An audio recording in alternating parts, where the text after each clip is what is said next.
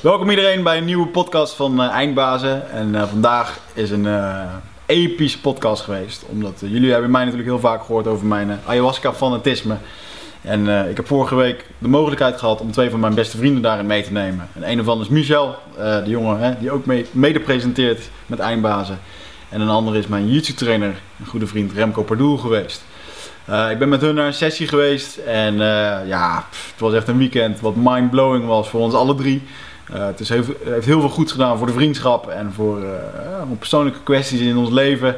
en alle moeilijkheden waar we allemaal als persoon mee te maken hebben.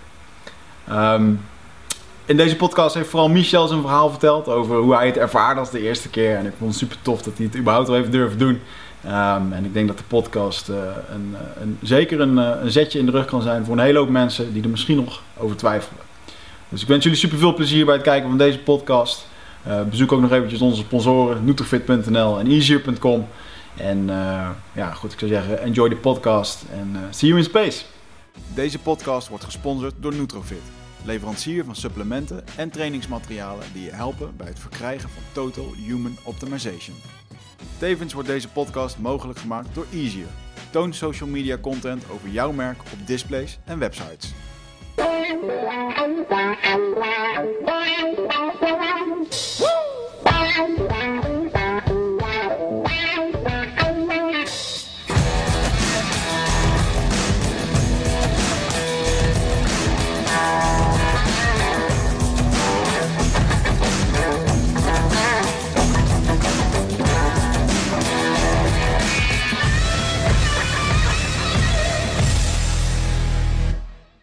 Are we, we live? We are live. Are we alive is the question. Ja, dat is inderdaad. Ja. Want um, dat was waarschijnlijk ook meteen de beste opening ooit die we hebben gehad met Armbazen. Mm. Maar um, wow man, dit was een toffe week. En ik kijk, uh, uh, ik heb eigenlijk al weken ook naar uitgekeken naar dit moment. Um, want zoals uh, de luisteraars weten ben ik een fanatieke ayahuasca-aanhanger. En heb ik onlangs ja, we hebben gemeld dat Michel een keer mee zou gaan. En uh, vorige week zijn we samen met uh, mijn trainer Remco Perdoel uh, en met Michel ben ik naar een ayahuasca-sessie gereisd. En tegenover mij zit de nieuwe Michel, die een bepaalde twinkel in zijn ogen heeft, die alleen de mensen hebben die ayahuasca hebben gedaan. En ja, jongen, ik laat het woord aan jou over. Herrezen uit de as. Hoe vond je het, jongen? Het was, uh, ja, het woord dat ik graag gebruik is out of this world. Hmm. Het, is een, uh, het is echt een ding op zich. En uh, ja, het eerste wat ik eigenlijk gewoon moet zeggen was, want hey, laten we wel wezen, jij hebt altijd gezegd, als jij ayahuasca hebt gedaan, jongen, dan is dat cynische stemmetje in jou, dat gaat een heel ander toontje zingen. En hmm. ja, je had gewoon gelijk. of course, alright. maar uh, laten we eens terug gaan helemaal naar het begin. Want ik, uh, volgens mij had ik in mijn vorige sessie heel erg de behoefte om jou de volgende keer erbij te hebben. Mm. Dan hebben we dat, heb ik jou een beetje de volgende dag geopperd van... Uh, hier is je datum, bereid je me voor. Ja, geopperd. Gewoon aan mijn haren meegesleept. Spreekwoordelijk Over, haren. wanneer was het denk ik? Acht weken geleden of zo? Ja. En gewoon gezegd van je gaat mee. Um, Hetzelfde heb ik eigenlijk met, uh, met Remco ook gedaan. Mm. Uh, wat ik heel tof vond van Remco is dat hij eigenlijk les moest geven in Engeland. Hij moest een seminar tour geven. Oh, oké. Okay. En dat was in het begin nog even, ja, ik moet lesgeven, kan niet. Doe maar een week later. ja. ja, Remco, ze blijven niet voor jou een week later, omdat jij toevallig niet kan, weet je wel. en terwijl die kwartier later terug, hij zegt, fuck it, ik heb het afgezegd, ik ga mee. Dus dat, dat was sowieso heel vet. En het was voor mij heel bijzonder... Um, om, eens, om het eens een keer te doen met twee vrienden. Want natuurlijk ken ik wel wat mensen daar en uh, zijn het vaak dezelfde gezichten. En ik heb het een keertje met mijn uh, vorige vriendin natuurlijk wel samen gedaan. Mm. Maar om het echt met twee van mijn beste vrienden te doen, uh, was voor mij ook heel erg bijzonder. En ik heb gelukkig de mogelijkheid gehad om front row te zitten toen jij jouw eerste kop ayahuasca naar binnen hakte. Oh, ja, dat was wel even een momentje, ja. Mm. ja. Hoe leefde je daar naartoe? Ja, um, ambivalent, wil ik zeggen. Ik zat, uh, ik pingelde heen en weer tussen een soort eager anticipation. Want nu gaan we dan eindelijk eens een keer onder ogen komen waar Wigert het altijd over heeft gehad. En ehm, we hebben natuurlijk, als het gaat om ayahuasca, al een soort van voorgeschiedenis. Want wij zijn natuurlijk, eh, het is geen geheim dat wij geïnspireerd zijn door onder andere Joe Rogan, die natuurlijk met name bekend is geworden om een eh, hele bekende rant online over DMT. Hmm. Wat natuurlijk ook voor ons een begin is geweest in onze, eh, nou ja, het opnieuw oppakken van onze samenwerking en onze vriendschap. Daar is weer eens een keer wat begonnen, zeg maar. Dus dat vind ik ook heel mooi symbolisch. Ja. Eh, en ik heb me destijds wel eens ingelezen over wat DMT natuurlijk altijd deed. En ja, most powerful psychedelic known man indeed. Ehm, dus ik was heel erg nieuwsgierig aan de ene kant eh, wat me ja, zou worden, wat ze me zouden laten zien en wat ik voor onder ogen zou moeten komen. Hmm. Maar aan de andere kant was ik mede daardoor eigenlijk ook wel ongelooflijk benauwd. Ik ga gewoon niet liegen. Ik, eh, het liep me bij tijd en welle dun door de broek. Ehm, omdat ik zoiets had van, oh jee, waar ga ik me in godsnaam instorten? Omdat, nou ja, als je een aantal van deze podcasts hebt geluisterd... of je hebt wel eens in een van mijn masterclass gestaan... dan weet je dat controle wel een dingetje is voor mij. Hmm. Ik hou graag grip op zaken. Want ik ben gewoon een rationele gast. Ik ben gewoon een boerenlul uit Boskamp, weet je wel. Opgegroeid tussen de bossen en eh, ja... Dat is gewoon nuchterheid troef. Hmm. Ehm, dus ik had zoiets van, yo, waar ga ik nu in godsnaam aan beginnen? En eh, in die acht weken daarnaartoe merkte ik dat, nou ja, zo af en toe was je ermee bezig. En dan weer eventjes niet. En dan dacht ik weer eens een keer aan en dan kreeg je zo'n knoop in je maag. En het deed me op een gegeven moment wel een beetje denken naar het toeleven naar een, eh, een MMA-partij of naar een uh, jiu-jitsu toernooi. Of weet je wel, dat je, zo af en toe begint het een beetje te knagen en je denkt je, oh jee, Hmm. als het maar goed gaat. Nou, en dat was, ehm, ja, dat was spannend. Hmm. Maar met name de laatste week eh, was, ja, had ik wel van die momentjes van, hé, hey, weerstand. Waarom doe ik dit eigenlijk? Wat denkt die Wigert wel niet? Dat hij mij zomaar eventjes daarmee naartoe kan slepen, bij wijze van spreken. Hmm. Ehm, maar ook een stuk vertrouwen in het feit dat jij nooit iets op zo'n manier zou doen als je niet 100% zeker wist dat het gewoon gunstig zou zijn en beneficial. En gast, je had zo gelijk. Dat was het. Dat was het. En laten we dan ook deze kant gewoon meteen nemen om je daarvoor te bedanken. Want je kent me inmiddels best goed. Hmm. En eh, jij wist gewoon ergens op een of ander niveau wel, deze gast heeft gewoon een kick in de rear nodig. En eh, dat is precies wat ik sommige mensen zelf ook probeer te geven, zo af en toe. Eh, en ehm, ik vind ook dat ik daar zelf voor open moet staan. En dat heb je wel gewoon voor me gedaan. En je had ook gewoon kunnen denken, nou, fuck jou, dan doe ik het niet. Maar dat deed je wel. Hmm. En eh, dat waardeer ik echt heel erg. Dat was echt tof. Mooi jongen. Ja, ik, eh, ik vind het deze week is sowieso, ehm, ja, wat ik al zei, de eerste keer met vrienden. En Remco en ik gaan natuurlijk ook al lang terug. Nou, wij gaan al lang terug. Hmm. En, eh, ja, het is toch wel bijzonder man. Het doet wel echt iets met de band. En met, eh, je, ziet er je ziet iedereen op zijn allerkwetsbaarste denken rondlopen. eh huilen, kotsen, noem het maar op. Hmm. En eh, we komen daar straks wel even verder op over. Ja, we hebben daar ook gewoon nog net geen ruzie liggen maken soms aan tafel. Weet je wel? Over Ja. discussies en dingen en emoties die in één keer naar boven komen. En, maar ja, nou ja, goed. In ieder geval, ik vond. nou, ik heb nu. Dit was mijn negentiende sessie die ik heb afgesloten. Ik heb ongeveer tien verschillende shamanen gehad. Van mensen die vanaf hun vierde de jungle in zijn gestuurd. eh, die, die dat al 30 jaar deden. En, Mhm. ja, wat ik al zei met de man waar wij nu zijn geweest, eh, dat was Don José Campos, een Peruaan. En eh, met zijn handlanger Gino. My man Gino. Nou, echt toen ik... ehm, ja, hoe kan, hoe, kan, kan ik het eigenlijk be- beschrijven? Die, die man die had zo'n controle over die zaal en de energie en alles wat daar gebeurde, was ik echt onder de indruk van. Mhm. Zelfs een beetje beangstigend. Hmm. Want eh, die, ja, ik, ik, hij, deed, hij deed het ook gewoon eh, eh, niet zo ritueel. Zo normaal ken ik van die Braziliaanse shamanen. Allemaal met op een dingetje blazen en plopperop. En allemaal dingetjes en toeters en bellen voordat je je drankje krijgt. En deze gozer was van gewoon, are you ready? Let's go. En, Ja. en ze gingen gewoon schenken. Gast, eh, En- dat was dus echt een van mijn nou, desillusies wil ik niet zeggen, maar die, die eh, ceremonies, eh, mij is verzocht om het geen sessies te noemen, maar ceremonies. Ja. Zoals jij die ceremonies omschreef, had ik er een bepaald beeld bij in mijn hoofd.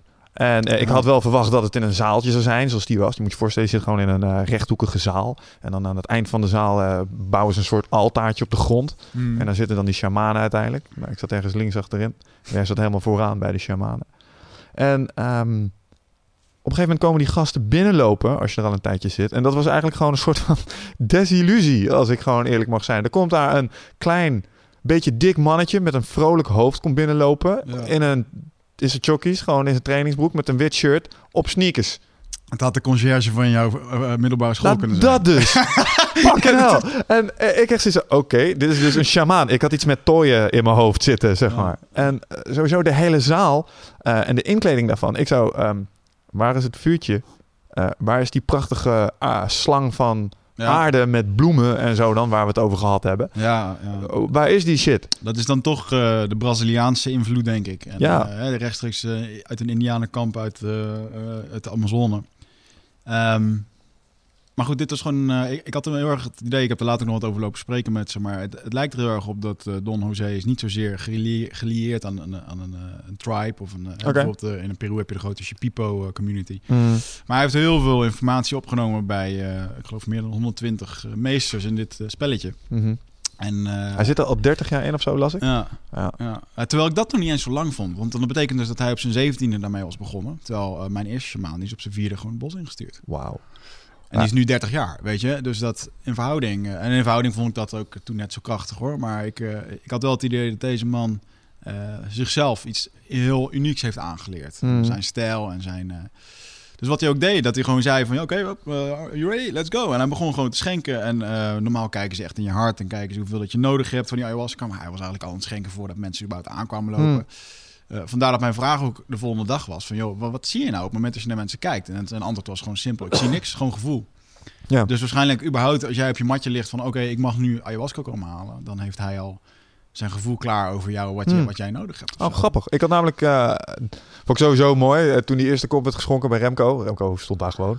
Het was eigenlijk de bedoeling dat je op je knietjes ging. Ja, ja dat, maar dat vond ik mooi dat Remco en ik daar kwamen. En, ehm, ehm, kijk, ik en Remco, we kennen elkaar door en door. En ehm, Remco hoeft zijn neus maar op te halen op een bepaalde manier. En ik weet hoe laat het is. Ja. En eh, ik hoef maar één keer een, eh, te giechelen of te lachen. En eh, hij kijkt me aan en we weten precies hoe laat het is. Ja. En ehm, ik, maar Remco was ook gewoon ongemakkelijk. En als Remco ongemakkelijk is, gaat hij grapjes lopen maken. Mhm. Gaat, hij, gaat hij ongemakkelijk lopen doen. En wat ik het meest bizarre vond, waarvan ik echt dacht van Remco, jij maakt ook overal de grote Remco-show van. Was dat op het moment als iemand eh, iets aan Remco vraagt en die andere die zegt hè, dat Remco dan kaart hè terug zegt. dus die, die shamaan Don die vraagt, eh, what's your name? Eh, Remco, what? Hè? Dan doet, dan doet hij dat gewoon terug, weet je wel? Ik zo, dude, deze gast gaat je straks het universum laten zien en jij gaat hem nu zitten dissen. Ja. En ja, dat is echt typisch Remco, die dan weer een beetje ongemakkelijk begint te lachen en te doen. En nou, uiteindelijk, inderdaad, moest hij als eerste die kop halen. Volgens mij had hij dat zelf ook niet verwacht. Dus mocht hij daar... hij stond daar inderdaad, nam hij echt die kop aan en dronk het weg. Zo, ja. Kloek. Nee jongen, dat hoort nederig op je knietjes, even erover na te denken. En eh, Ja. ja, goed. eh. Maar ik heb jou ook van de zijkant eh, het- zien nemen. Dat vond ik ook wel mooi. Je deed het zonder hesitation. Dat was geen... Mm. Ja, en wat ik er altijd bij zeg is dat ik nog even een smerige blik naar links wierp. Richting Wiggert. Zo van Mm. vuile teringlaar. En ja, daar gingen we. Maar ik had het gevoel toen ik daar op mijn knieën zat. wat mij wel opviel is dat je wel even... ze zitten te schenken. En ze kijken je wel eventjes ernstig doordringend aan. Je Ja. voelt echt twee van die paar ogen. Die priemen je gewoon eh, recht je ziel in voor je gevoel. Ja. Wat niet hielp natuurlijk is dat... ehm, en dat was een beetje waar ik ook eh, van dacht... Hé, hey, wat gaat hier gebeuren? Want er brandde eigenlijk maar één kaars in de zaal. Dus die gast zit daar met een, een brandende kaars onder zijn snuffert. En dat geeft sowieso al een beetje een aparte gloed en een grote Ja. schaduw op de muur achter hem. Dus het zag er allemaal heel erg ceremonieel en Ja. mysterieus uit. En op een gegeven moment krijg je dat spul dan aangereikt. En je denkt, ja, nou, daar gaan we dan. Down the Mm. rabbit hole. Mm, mm, En het was vies, jongen. Ja. Het was echt smerig. Nou, ik, ik, ik zweer dat je van alle die ik ook heb gehad, was dit inderdaad, ik kreeg heel weinig, maar het was fucking vies en fucking sterk. Oké. En eh, dat heb ik... eh, Het was, maar het was goed, dik en er zaten heb- stukjes in. ik- ja, ja, vooral die stukjes was even nieuw voor mij ook. Eh, maar soms heb ik ook wel eens glazen gehad waarvan ik echt drie keer moest slikken om het weg te krijgen. Omdat het zoveel was. Maar normaal is het dus meer. Nou ja, dat heeft ook te maken met de sterkte en met de Ja, ja. dingen. En eh, hij had ook volgens mij twee verschillende flessen bij zich. Ja, ze schijnen soortjes te hebben, ja. En eh, de ene is heel erg voor visioenen, de andere is heel erg voor... Ja, eh, dat, het, Die hebben ze mij gegeven. Maar hebben ze alles gegeven. Was, maar ja, weet je, en toen wat, ik, wat ik heel irritant vond. ehm, en ik weet niet of jij dat zo ook hebt ervaren. Normaal begin je altijd inderdaad met, waar ik het normaal doe, begin ongeveer met 20 minuten stilte. Ja. En dan begint men te zingen. En op het moment, als men begint te zingen, dan begint in één keer het hele kermis te werken. Met alle Mhm. visioenen en dingen. Maar eh, ook als je, eh, want we hebben de sessies opgenomen op eh, geluidstape. Nu wordt er gewoon 40 minuten stilte gehouden. Ja. En mijn zwaarste momenten dit keer zijn geweest in, in die stilte momenten. Dat het begon te werken en dat ik dacht van, laat alsjeblieft die muziek beginnen. Zodat er een soort van afleiding is of wat dan ook. Ik vond Ja. dat echt, echt super zwaar. Hoe heb jij dat ervaren toen het dan begon te werken? Nou ja, ik voelde me... het begon te werken, duurde bij mij even. Want ik heb dus echt de eerste... Inderdaad, je gaat dan weer zitten op je plek. En dan denk je, nou, let's go. Daar gaat hij dan. En zoals dat werkt met dat soort dingen, dan zit je daar, voel ik al iets, voel ik al iets. En je voelt op een gegeven moment, hoor je iemand, eh, hoor je al van die vieze boeren laten. Echt van die ayahuasca boeren noem ik dat zo. Ja. Echt van dik. En weer tien minuutjes later gaat de eerste koning Kots. Die zit tegenover mij. Die begint al, eh, die begint al eh, over zijn nek te gaan. En eh, aan de andere kant van de zaal hoor je iemand beginnen te giechelen. Ja, En je hoort al een snik ergens. En je denkt, oh god, het begint te werken bij die mensen. ja. En wanneer begint het dan bij mij wat te doen? En dat heeft echt fucking lang geduurd. Want kijk, ik heb wel eens andere dingen gebruikt. En mwah, ik vond mezelf wel een hele baas in dat gebruik. Ik kon wat hebben. Dus ik dacht op een gegeven moment, na 20 minuutjes, en zit je met je ogen dicht. En zo van, zie ik al wat? Ja, volgens mij zie ik kleurtjes aan de achterkant. Zie geen reet. Weet je wel, je bent jezelf gewoon aan het gek maken. Maar er gebeurde niks. En er gebeurde niks. En na 30, 40 minuutjes zat Mick met zijn handen achter zijn hoofd. Met zijn benen zo een beetje laconiek gekruist. Zo van, eh, ja, ja, het zal wel zijn omdat ik een zware fan ben of zo. Of eh, weet ik veel wat. Maar eh, ik voel het niet. Totdat Gino, de rechterhand van Don José, ehm, langskwam met de Marpacho's. Ja.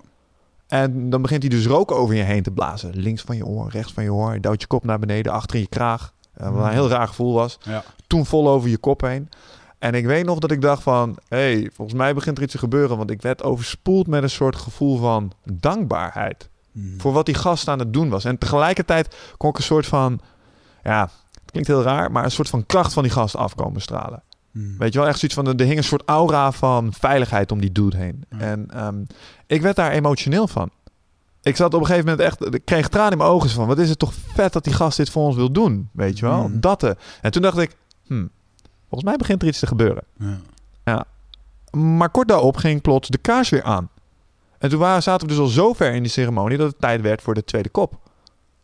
Ah, En toen pas begon het voor mij. eh, Na de tweede kop begon het voor mij. Want ik zat echt eventjes eh, een momentje van twijfel. Zo van, hmm, oké, we mogen een tweede kop gaan halen. Ja. Ga ik dit doen? Weet je wel, want ik voel niks. This could be an escape. Ik, Mm. ik zou dit gewoon, ik zou gewoon kunnen zeggen dat het, eh, ja, done it, maar dat er niks gebeurd was. En eh ja, het was gewoon een vals gevoel van controle. En ik dacht van, nee gast, dat ga je dus gewoon niet doen. Wigert heeft de moeite genomen om je hiermee naartoe te nemen. Dan is het ook gewoon, dan moet je het ook gewoon ervaren. Ze hadden van tevoren duidelijk gezegd, ehm, als je niet high bent, dan mag je voor een tweede kop komen. En ik, ik weet nog dat, dat ze de volgende dag zeiden, we waren verbaasd dat bijna iedereen voor een tweede kop kwam. Jullie Westelingen zijn zo vastgezet in je ego. Jullie hebben dat blijkbaar gewoon nodig of zo. Ja. Maar dan dat, ben ik... dat vond ik inderdaad wel een, eh, een pittige discussie. Of tenminste, vond ik, een, ehm, vond ik hem heel fel over die volgende dag. Dat, hij, Mm. dat, ehm, dat hij dat aanhaalde. En wat hij toen ook zei van... joh, Westerlingen zijn zo verknocht aan pillen voor oplossingen. Mhm. En ehm, het leek wel alsof hij een beetje schetste... dat, ehm, dat sommige mensen daar maar weer ayahuasca komen drinken... om de shit maar weer op te lossen. Mhm. Ehm, maar ik denk dat het natuurlijk, eh, als je het heel erg generaliseert, ja, is het inderdaad niet normaal eh, hoe dat mensen, som- sommige mensen pakken naar aspirine, naar slaapmiddelen, eh, allemaal alles wat je uit balans kan halen, Ja. dat doet men, gewoon een quick fix. Ja. En ehm, ehm, ja, pleisters plakken eigenlijk. ja. In plaats van het achterliggende probleem adresseren. En ik denk dat op het moment, ja, ik voelde me daar persoonlijk niet zo aangesproken door, maar eh, eh, ik had ook geen moeite om een tweede kop eh, te pakken, zeg maar. Omdat ik eenmaal het gevoel heb, als je daar eenmaal aan het werk bent en hoe zwaar het ook is, hoe rot dat het ook is. Ik ben altijd wel in voor een, voor een kopje extra, omdat Mm. het, ja, weet je. Ah, daar komen we bij de tweede ceremonie nog wel op, want dat was wel een ding. Dat kwam met name dus door de tweede kop die ik nu gewoon ging. Ja, ik ben ook maar gewoon aangesloten. Ja. Ik dacht, screw it, weet je. En ehm balls deep, het moet dan maar. Mhm. Want nou, ik ben hier nu toch en ik voel nog niks, maar ik wil het nu dan ook wel ondergaan. En ehm, dus ik kreeg mijn tweede kop. En die was ook vies. En ehm, ja, ik weet niet, het heeft een zo'n nasmaak, weet je wel. Het, het blijft gewoon echt achter je strot hangen. Nou ja, het is zuur. Het brandt ook een beetje. Eh, vergelijk het met eh eh, glue wine die kapot is gegaan. Die, eh, die het weg, eh, dik pappig en het glijdt je strot in. En je voelt het zakken. En het Ah. brandt. Aarde ijzer, zeg ik altijd. Ja, Ik weet niet of hoe ijzer smaakt, maar ik denk als ijzer vloeibaar kan drinken, dat, dat het is met heel veel aarde en modder. en Beetje, ja, ook wel een beetje als je tand door de lip hebt, je krijgt wat bloedsmaak in je Ja. mond. Dat gevoel. Ja. Ja, het was vies en ja, zoals ik al zei, je voelde het gewoon zakken. Mm. oh. Ehm, maar die tweede kop deed het hem wel. Want ik ging op mijn matje zitten en eh, op een gegeven moment eh, zat een gast tegenover me. Die was eh, iets uit zijn tenen aan het wegkotsen volgens mij. En toen gingen mijn spiegelneuronen af. Want toen dacht ik, oh god, de- de- deze komt echt even binnen. Zoals die gat nu aan het kotsen is, dat, dat doet mij ook iets. Mhm. En toen dacht ik, weet je wat, ik ga mijn emmertje maar eventjes pakken. Want dat was sowieso bij binnenkomst was dat al zo'n ding. Weet je wel, dat deed me al bijna omdraaien en mijn shit weer wegbrengen naar de auto. Eh, je ziet al die matjes daar liggen en overigens staat heel pontificaal zo'n zwart emmertje met een keukenrol voor. Zo van, nou ja, dit ga je nodig hebben. Yep. En ik werd ondertussen al een beetje arrogant. Ik dacht, nou, ik ga dat niet nodig hebben. Dus eh, ik pak dat emmertje en ik eh, ga weer terug tegen de muur zitten. En daar kwam het, jongen. Nou, eerste eruit. Echt over mijn nek. En echt vies, want je smaakt, alles proef je weer, weet je wel. Dat, dat spul komt gewoon weer recht omhoog. En dat heeft denk ik 10 minuten in mijn donder gezeten of zo. En ik weet nog dat ik dacht, nou, dit kan nooit wat hebben gedaan. Maar ja, wat gebeurt er als je kotst? Dan gaat al het bloed naar je hoofd. En toen ineens, toen, eh, toen waren we er. Ja. Uh, ja, full visuals. En ik heb nog nooit ehm, visuele hallucinaties gehad. Dat was de eerste keer. En eh, ik weet nog dat ik dacht, oké, dus dit is hoe het is om te trippen. Weet je wel? Want ik zag allerlei abstracte figuren, kleuren. Ja, en dat is, dat, ik snap nu je frustratie soms in de voorgaande podcast over hoe, hoe breng je dit onder woorden, weet je wel? Mhm. Hoe leg je nou uit wat je zag? En ehm, ik zag een soort. eh, ja, nu achteraf weet ik wat eh, het was, maar ergens links in mijn ooghoek zag ik een. eh, of onderin het beeld zag ik een ingezoomd tandwiel of zo. Met tribals erop. En op een gegeven moment switchen het beeld. En toen werd het een soort. werd het een koraalachtig iets met mooie felle kleuren. En ik dacht nog ergens van: dit is fucking. Wow, weet je wel, dit is best wel heftig. Ja. Uh, maar je zit daar met je af en aan met je ogen open en je ogen dicht. En wat me opviel is dat als ik in het donker tuurde, dan ging het gewoon verder. Dus ik had mijn ogen dicht, je ziet die visuals, je doet je ogen open, je ziet het nog steeds. En ik dacht, fuck, dit is kut. Want als dit de hele tijd doorgaat en het wordt naar, kan ik er dus niet uit. Totdat ik links in de zaal keek, waar de nooduitgang zat. En daar brandde een lampje. Want dat moet in Nederland bij de nooduitgang. en uh, toen zag ik, hé, hey, als ik hierheen ga met mijn ogen, dan verdwijnt het een beetje. En dat vond ik wel een prettig idee, want dan zo'n soort van escape Mhm. hatch gevoel, idee van nee, ik kan het tenminste uit als het moet. Maar ik begon daar al te merken van, yo, weet je wel, ehm, ik, uh, ik vind het wel ongemakkelijk, want uh, ik heb hier nul controle over. En het was, um, dat was voor mij echt, echt het grote probleem, want ik moest me eraan overgeven. En in de eerste instantie probeert Michel, probeert er tegen te knokken. Ja. En uh, ik weet nog heel goed, een, een kameraad van me, Tobias, die stuurde voor de uh, ceremonie stuurde hij mij een appje van gast. Denk aan de bot- podcast met Bas Kodde. Want Bas Kodde die vertelde over loslaten. Hè? Dat dat een van de belangrijkste dingen is die je moet leren. Mhm. En dat werd een beetje mijn mantra. Zo van, joh, loslaten. Weet je wel, laat het gaan. En ik merkte dat, want ik zat met mijn emmertje helemaal met mijn schouders ingetrokken en weer te kotsen. En ik dacht, nee, loslaten. En dan ontspande ik mijn schouders. En dan merkte ik gewoon dat ik me rustiger ook begon te voelen. En ze hadden van tevoren gezegd, als het moeilijk wordt, gewoon rechtop gaan zitten en ademen. Ademen is het enige stuur wat je hebt. Dus ik hem aan. Neusmond, neusmond. En dan, merkte ik van, oké, dit is op zich wel te doen. Maar toen kwamen die teringlijst met die Icaro's. Hmm. Waarbij er met name één echt gewoon voor altijd in mijn ziel gegrift zal blijven. Dat is echt niet normaal. Um, maar ze begonnen de energie in de kamer nogal op te voeren. En uh, ik merkte dat dat iets deed met de hallucinaties die ik had. Of de visioenen die ik had. En um, op een gegeven moment werd het ook echt, echt intensief. En had ik ook echt even momentjes van angst. Want ik zag of me op een gegeven moment echt vol voor mijn ogen, mijn ogen open of dicht, zag ik iets en ja, het, ik, ja lach, lach maar, lach maar. ik hoor het mezelf zeggen. Um, iets wat leek op, ja, als je ooit biologieles hebt gehad, dan heb je echt wel eens een keer een plant ontleed en die heb je onder een microscoop gelegd. Hmm. Nou, stel je die cellen voor, maar dan met allemaal neonkleurtjes. Uh, en over je hele gezichtsveld. En één met name, die was echt huge. En die zat in het midden. En daar kwamen groene tentakels uit. En die kwamen recht op mij af. en ik had de hele tijd het idee, dit ding is intelligent. er, er, er kwam een bepaalde intelligentie van af. Al- Alsof het ook met me probeerde te praten, maar mijn beperkte apenhersenen konden niet helemaal aan wat het wilde melden. Of eh, zeg maar een soort, eh, ja, niet compatible, zeg maar. En dat deed ook een soort van zeer. Want ik voelde een soort druk op mijn hoofd ontstaan. En mijn kaken begonnen helemaal samen te spannen. En ik dacht van, fucking hell, dit is ongemakkelijk, weet je wel. En die visuals waren echt intensief.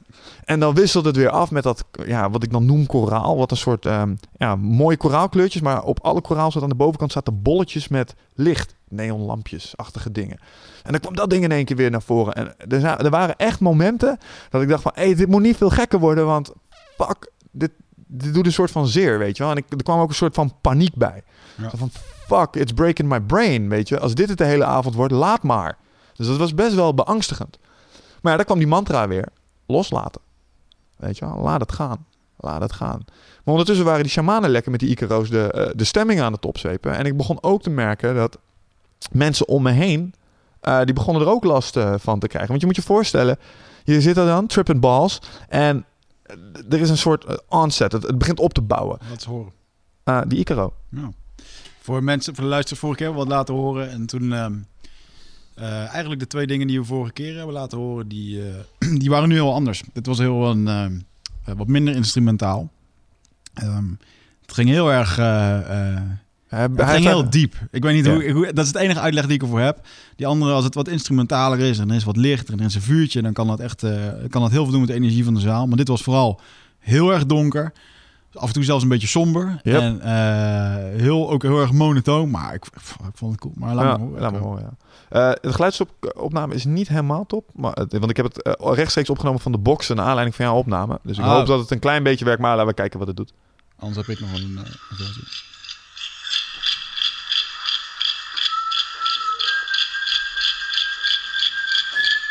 ik dit weer hoor, jongen. Ik ook. Ik heb, ik heb wel. Tripping balls, baby.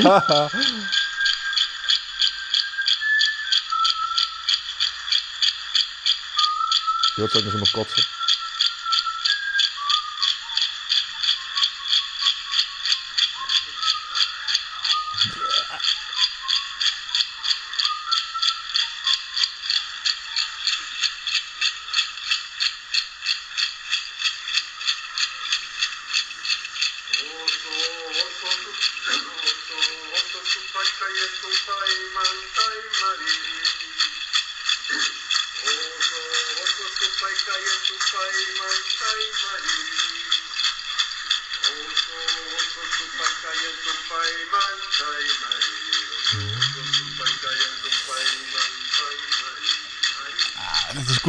Het, eh, het is coole effecten. Ik heb toevallig, eh, ik had het met mijn telefoon opgenomen.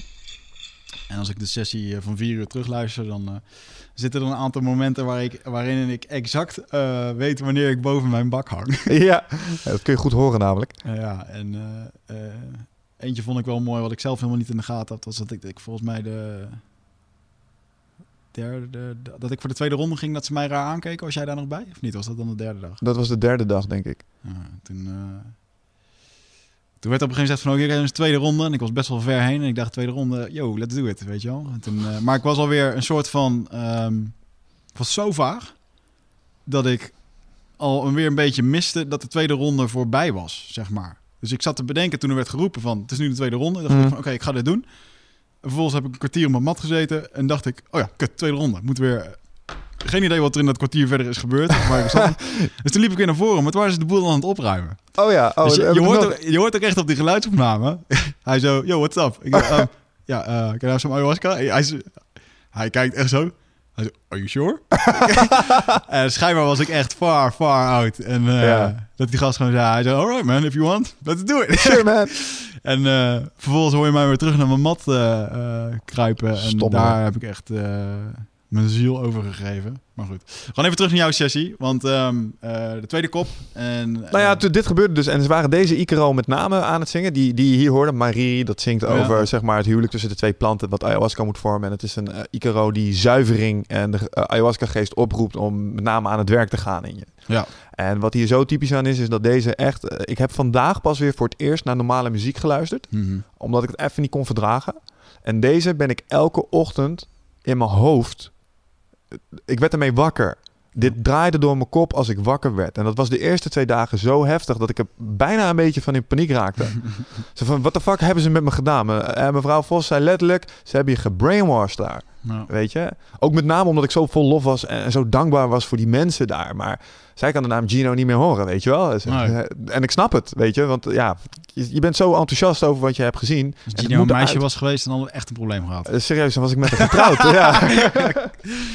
Maar wa- wat me daar dus met name opviel, is dat met, met die Icaro's, terwijl ik zelf eh, behoorlijk aan het pieken was daar, eh, gaan ondertussen ook andere mensen, eh, ja, mensen zijn aan het purgen, eh, aan het kotsen, mensen zijn aan het huilen. Jij en Remco schieten in een lachbui, dat je zelfs bijna een soort van vermaand wordt door de Mm. shamanen van, yo, weet je wel, want ze waren ook heel duidelijk van, doe je eigen werk, stoor niemand, weet je wel, raak niemand aan, praat niet, want je moet, je moet mensen niet storen in hun werk. nou, Hè, werken noemen ze het met name. En ik snap nu wel wat ze daarmee bedoelen. Ehm, maar je hoort op een gegeven moment ook ja, mensen scheten laten en eh, mensen lachen en, eh, en huilen, maar ook angst. hmm. En ehm, de energie van, eh, van de kamer begint dan eh, op een gegeven moment eh, echt, echt, echt toe te nemen. En nou, toen kwam dus eigenlijk een soort van mijn eerste test. Kwam ik achteraf achter. Want ze zeggen ook, joh, als het echt niet meer gaat, mag je roepen en dan komen we je helpen. En ehm, ik weet nog dat ik op een punt zat waarbij ik, wat ik net zei, van ik dacht van, god damn it, it's breaking my brain, weet je wel, wat is het aan het doen? En ik maar de hele loslaten, loslaten, loslaten. En ehm, dat ik op een gegeven moment een gast in het donker hoor, echt tussen twee Icaro's in. Echt zo, echt uit het diepst van zijn hart. Da Danielle, Danielle. Weet je, dat was de dame die het had georganiseerd. Ja, ja, ja. Ja, die gozer. Die Ja, het gaat, het gaat echt niet goed, weet je wel. En dat we ik zo, oké, problemen. Weet je wel, want mijn survival instinct kick ook in, weet je wel. Ik denk van, uh, wat is hier aan de hand? Die gast is dat langs mij inderdaad. Ja. Hij zat naast jou. En dat kwam door de hele zaal, kwam dat, eh, dat kwam bij iedereen volgens mij best wel binnen. Want eh, hij wou, eh, ik, ik hoorde die gast naast me overeind komen. En ik, ik deed zelf ook mijn ogen open en ik ging even kijken wat er gebeurde. Maar het is pikken donker, dus je ziet geen reet. En ehm, ik, ik, ik, zie wel in, ik zie wel schimmen bewegen, want je ogen zijn natuurlijk wel een beetje aangepast aan het donker. En, ik, ja, en eh, ze proberen hem de zaal uit te krijgen. Maar halverwege de zaal stort die gast gewoon in. Weet je, hij flikkert neer, hij is in paniek, eh, hij wil eruit. En ik dacht op dat moment, fucking hell, wat heb ik gedaan? Ik moet hier uit. Hmm. Kutzooi. Stupid mistake. Dit, dit, hij heeft er ook last van, ik ben niet de enige. En je hoort mensen om je heen ook onrustig worden. En ja, die dame die denkt, oh god, die gas flikkert neer, ik moet iets doen. Dus die drukt de lamp aan. En nou ja, toen kwamen die shamanen weer even in actie, want eh, die vielen in eerste instantie ook eventjes stil. Ja. En, ehm, maar meteen Don eh, de, de oppersjamaan, eh Don San- meteen neer, verder met zijn, met zijn Icaro's. Dus je, je hoort ondertussen, hij gaat werken. En toen dacht ik, ja, eigenlijk moet je ook doorwerken. Ja. En, ehm, maar toen kwam dus, die, die Gino die kwam daar en die zei van, tegen die gast, dat zei hij echt zo van, sit up straight, weet je wel. Turn out the lights, sit up straight, breathe, you're a strong man. Dat. En dat kwam bij mij zo binnen, weet je wel. Ik zo, hij had het niet alleen tegen hem, had het ook tegen de rest. Want mensen begonnen al te bewegen en zo. Hmm. En ik weet nog dat ik dacht van, oké, ik deed mijn ogen open en ik zag even dat licht ging aan en ik zag overal mozaïeken en zo. Ik dacht echt van, oké, ik kan nog bewegen, ik zou nu kunnen opstaan en als het echt zou moeten, zou ik die gast kunnen wegslepen. Weet je wel? Mhm. Maar toen dacht ik, ja, maar gast, dat is helemaal jouw werk niet. Weet je wel, je zit hier voor jezelf en je bent hier niet. En eigenlijk ben je weer aan het ontsnappen aan de ervaring. Hmm. Dus ik had echt zoiets van: nee, laat gaan, laat los. En ik gaf me weer over aan de ervaring. Ja. En dat bleek achteraf prima, want die gasten die weten donders goed waar ze mee bezig zijn. En die hebben gewoon die hele zaal gewoon prima onder, eh, onder controle. Ja. En dat was echt super mooi. dus ik kon weer verder in mijn werk. Ik kon weer verder aan de bak. en ehm, ja, dat was, dat was goed. Maar je merkte ook dat andere mensen er ook een soort van last van hadden. Hè, je merkte toch dat mensen... Want op een gegeven moment... eh, Er was er één dame en die begon echt uit- vanuit het diepste van de ziel te huilen. Dat kon je gewoon horen. Ja. Kijk, er waren momenten dat ik even aan het twijfelen was... Heeft deze dame nou een orgasme? Of is ze gewoon echt aan het huilen? Ja, dat, ehm, zo heb ik dat, eh, in die woorden heb ik dat exact ge-sms naar een eh, vriendinnetje van mij. Ja, van, eh, dat leidt er zo ontzettend af. En eh, ja, dat is, best wel, dat is best wel pittig. Ik was ook eh, zelf heel erg ehm, ontvankelijk voor, al, voor alles wat er gebeurde in die zaal. Inderdaad, die gozer die langs mij eh, half brak. Hmm. eh, die gewoon echt bang was. Hmm. eh, en daar niet een goed aan over kon geven. Dat meisje wat aan de overkant, eh, ja, inderdaad, lag snel klaar te komen. Of ging ze nou dood? Of alle twee? Ja, Ik weet het niet. het klonk als een combinatie tussen beide. Ja, maar uiteindelijk denk ik wel dat ze meer dood ging dan dat ze klaar kwam. Maar, ehm, Ja. maar en dat, dat ehm, het is ook gewoon even wennen. Je moet ook weer even wennen aan de zaal. En je weet na een aantal dagen van zo'n sessie, weet je gewoon welke gasten er eh, wat sterker zijn, wie er een hoop shit hebben te verwerken. Ja. En, eh, weet je, want er komen daar mensen, joh. Ik heb ook weet je, een super lieve mevrouw gesproken, die gewoon ehm, haar man, haar zoon, haar broer en de vader verloren is aan zelfmoord. Fuck. En dan kom ik aan met, eh, het gaat niet goed met Easy, weet je wel. Ja, Want het komt ja, niet goed. ja. Ik kan mezelf niet goed doen, dat weet je. En flikker toch op, man, weet je wel. En ja, en, en je, ehm, dat zei ze toevallig wel heel erg sterk zelf. Van, joh, ik heb al, dat, al die, die, die, die shit meegemaakt. En dat wil niet zeggen dat het verdriet eh, van jou eh, omtrent jouw moeder, omdat je alleen je moeder bent verloren, Hmm. omdat dat dan eh, minder erg is. Nee, weet je, dat is Ja. voor iedereen gewoon een persoonlijk ding. En, Ah, maar nou tap je direct dus voor mij daarmee ook de, de volgende stap in die ceremonie aan. Want ehm, kijk, ik weet nog heel goed, er was een, een jongen mee die we ook kenden. Mhm. eh, en die had zijn moeder meegenomen. Ja. En die had ook last van de omslag in de stemming. Mhm. Want die riep op een gegeven moment ook om hulp. En ehm, ik had inmiddels mezelf al wel weer redelijk onder controle. Ehm, maar ik was wel aan het observeren wat er in de zaal gebeurde. Want dat kan ondertussen nog steeds wel. Je zit in een soort bel en je bent nog steeds Michel, je bent nog steeds Wiggert en je observeert. En je, ondertussen denk je, ik hoop dat dit goed gaat. En ehm, die vrouw die had ook gewoon eh, een moeilijke ervaring. En die moest op een gegeven moment ook even de zaal uit. En wat me toen opviel is dat haar zoon meeliep. Van, die ging gewoon direct, eh, die was niet eens aan het nadenken van fuck eigen werk, ik ga nu gewoon mijn moeder helpen. Mhm. En ehm, toen op een gegeven moment, eh, na een paar minuten komen ze weer terug en ik zat in mijn eigen ding. En ze leggen haar weer op dat bed en hij is super zorgzaam voor haar. En hij gaat echt in de meest perfecte lotushouding die ik ooit heb gezien, gaat hij naast haar zitten waken. En dat kwam even binnen bij mij. Mhm. Want, kijk, als je... Mijn moeder is alcoholist geweest. En ze is inmiddels zeven jaar geleden is overleden. En ehm, in de periode van haar alcoholisme hebben, mij, hebben mijn familie en ik hebben best wel heftige dingen meegemaakt. Ehm, ik ben om 18 jaar leeftijd ben ik het huis uitgegaan. Omdat ik als jonge Michel niet kon snappen dat iemand zulke dingen doet met zijn eigen lichaam. Maar ook met de mensen om haar heen. En eh, nou ja, eh, ik heb mijn moeder wel eens een keer. Nou ja, je, in de vorige ayahuasca podcast hebben we het erover gehad. Ik heb mijn moeder wel eens eh, naakt uit vieze dingen moeten pikken en weer in bed moeten leggen. Hmm. Ehm, ik heb lijnrecht tegenover mijn moeder gestaan omdat ze had geprobeerd eh, dat ze mijn vader letterlijk naar het leven stond. En dat ik dingen zei van als je dat ooit nog weer flikt, dan maak ik je dood. Weet je wel, Mhm. dat soort dingen. Echt. En dat heeft uiteindelijk ertoe geleid dat we allerlei hulptrajecten met haar in zijn gegaan, klinieken in, zelfs op de paas heeft ze gezeten. Ja, het heeft mijn vertrouwen in het hulpverleningscircuit in Nederland volledig ondermijnd. Want die gasten hebben echt geen idee waar ze mee bezig zijn. Die maken meer kapot als dan dat ze goed doen. Ja. Want mijn stelling was gewoon simpel. Je moet zo iemand gewoon opsluiten. hè. Je moet ze gewoon af laten kicken. En je moet niet van dat halfzachtige geknuffel. Dat schiet gewoon niet op. Dit is gewoon een hard druk. Mhm. Uh, maar ik moest dus op 18-jarige leeftijd het huis uit, omdat het anders gewoon niet te houden was. Uh, en ik heb daar een soort van mijn vader en mijn zusje voor mijn gevoel altijd mee opgezadeld. Zo van, ja, ik moet gaan, want dit gaat niet werken. Dus ik ben toen gaan samenwonen met mijn toenmalige vriendinnetje. Veel te jong achteraf. Mhm. Um, en mijn pa is echt een fucking held, want die heeft mijn zusje echt wel beschermd. En die is er echt lang geprobeerd te zijn voor mijn moeder. Maar op een gegeven moment was die koek op. Ja. En dat heeft dus geresulteerd in een scheiding. Uh, en uiteindelijk in het feit dat mijn moeder... Um, nou ja, vanuit die scheiding had ze gelukkig wel een zakje geld meegekregen. Dus we hebben ons nooit zorgen hoeven te maken over het feit dat ze geen eten had of dat soort dingen. Maar ze heeft het ook voor een belangrijk deel bij de slijter uitgegeven. Ja. Um, en dat is uiteindelijk ook de dood geworden. Zij heeft uiteindelijk... Um, je moet je voorstellen, zij kon, ze geven je soms middelen tegen de alcohol, zodat je ziek wordt als je alcohol drinkt. Hmm. Soop ze gewoon doorheen. Soop ze een flesje never op een dag op. Ja. Weet je wel, echt. Uh, ik heb haar psychoses zien hebben.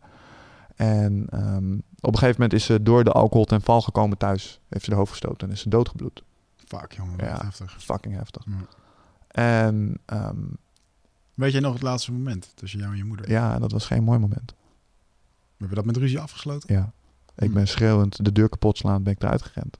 Van pak dit shit, ik hoef je nooit meer te zien. Dat soort dingen. Hoe lang was dat voordat ze overleed? Ik denk een jaar. Fuck, jongen. Ja. Ja. En, Dit wist ik niet eens trouwens. ehm. ja. Ik heb ook echt getwijfeld over of ik dit wel zou vertellen. Maar ik denk dat het bij het verhaal hoort. Omdat toen ik Paul dat zag doen... en ik, ik valt me nu op dat ik het nu voor de eerste keer kan vertellen zonder te huilen. Mhm. Gisteren heb ik het met mijn vader erover gehad. Toen ging dat ook redelijk goed. Ehm, en, en is zo mooi hoe mijn vader dan op reageert. Daar herken ik zo mezelf in. Voordat ik zeg maar dit gedaan heb en met jou zat te praten. Het is echt, ik ben een kopie van die man, weet je wel. dat is zo Mm. mooi om te zien. Ehm, maar ehm, ja, dat werd dus even een thema voor mij. Mhm. En ehm, het zat er meer in dat loslaten. Het loslaten van pijn en een stuk begrip krijgen voor het, hoe het voor mijn moeder was. En dat zat hem in het volgende. Want ehm, kijk, ik zie, die, ik, zie die, ik zie die jongen daar zitten naast zijn moeder. En ik, ik dacht alleen maar van... hé, hey, ik ben nooit zo'n zoon geweest voor mijn moeder. Dat ik dit voor haar kon opbrengen. Want ik was alleen maar aan het proberen haar te controleren. Mhm. Mam, je mag niet drinken. Je moet het niet doen. En dan vooral maar proberen te argumenteren waarom het slecht was. Ja, is, dat, En dat is eigenlijk een, een, een, een poging om je wil te projecteren op iemand. is dat ook niet de leeftijd geweest? Tuurlijk, Want de jongen in kwestie waar je het over hebt, is ondertussen een volwassen man van 35, 100% waar. 36 al. 36. Ja, het gaat snel. Oude bal. Ja, ik weet het. maar goed. Ehm, nee, maar dat klopt. En eh, die had rationeel ook prima een aantal van die conclusies al wel getrokken. Maar ik kan nu achteraf zeggen dat het gewoon nog steeds in mijn rugzak zat. Mhm.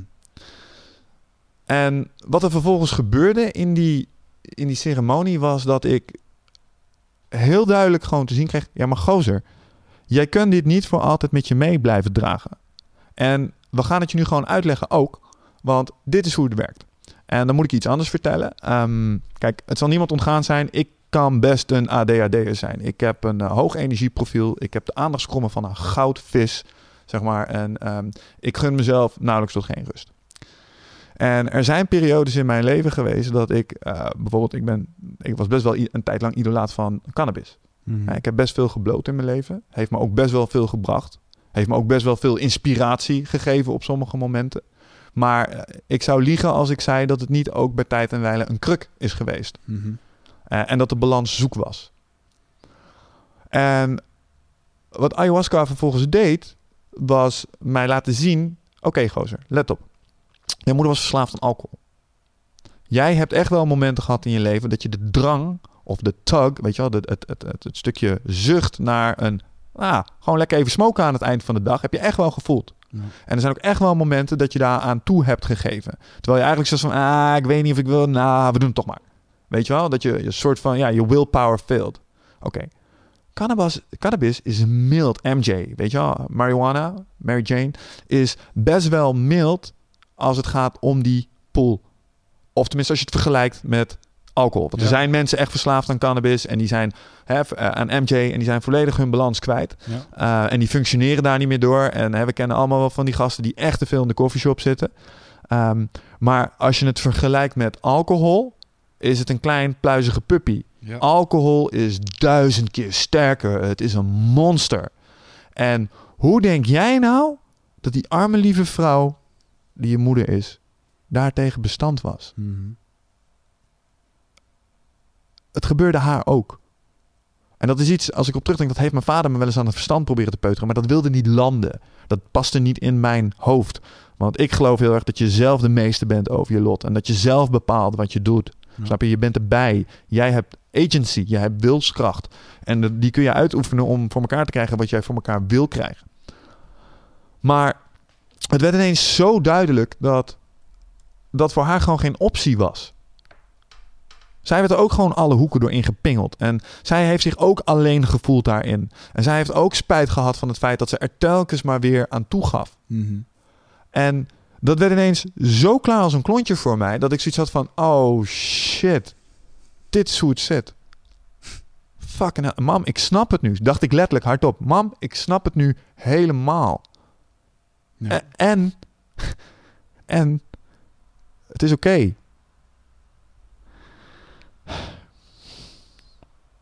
Het is oké. Mhm. Weet je? En ik vergeef het je. En met dat dat gebeurde, toen gebeurde er zoiets moois. Ehm, toen dacht ik, hey, maar dan kan ik het mezelf ook vergeven.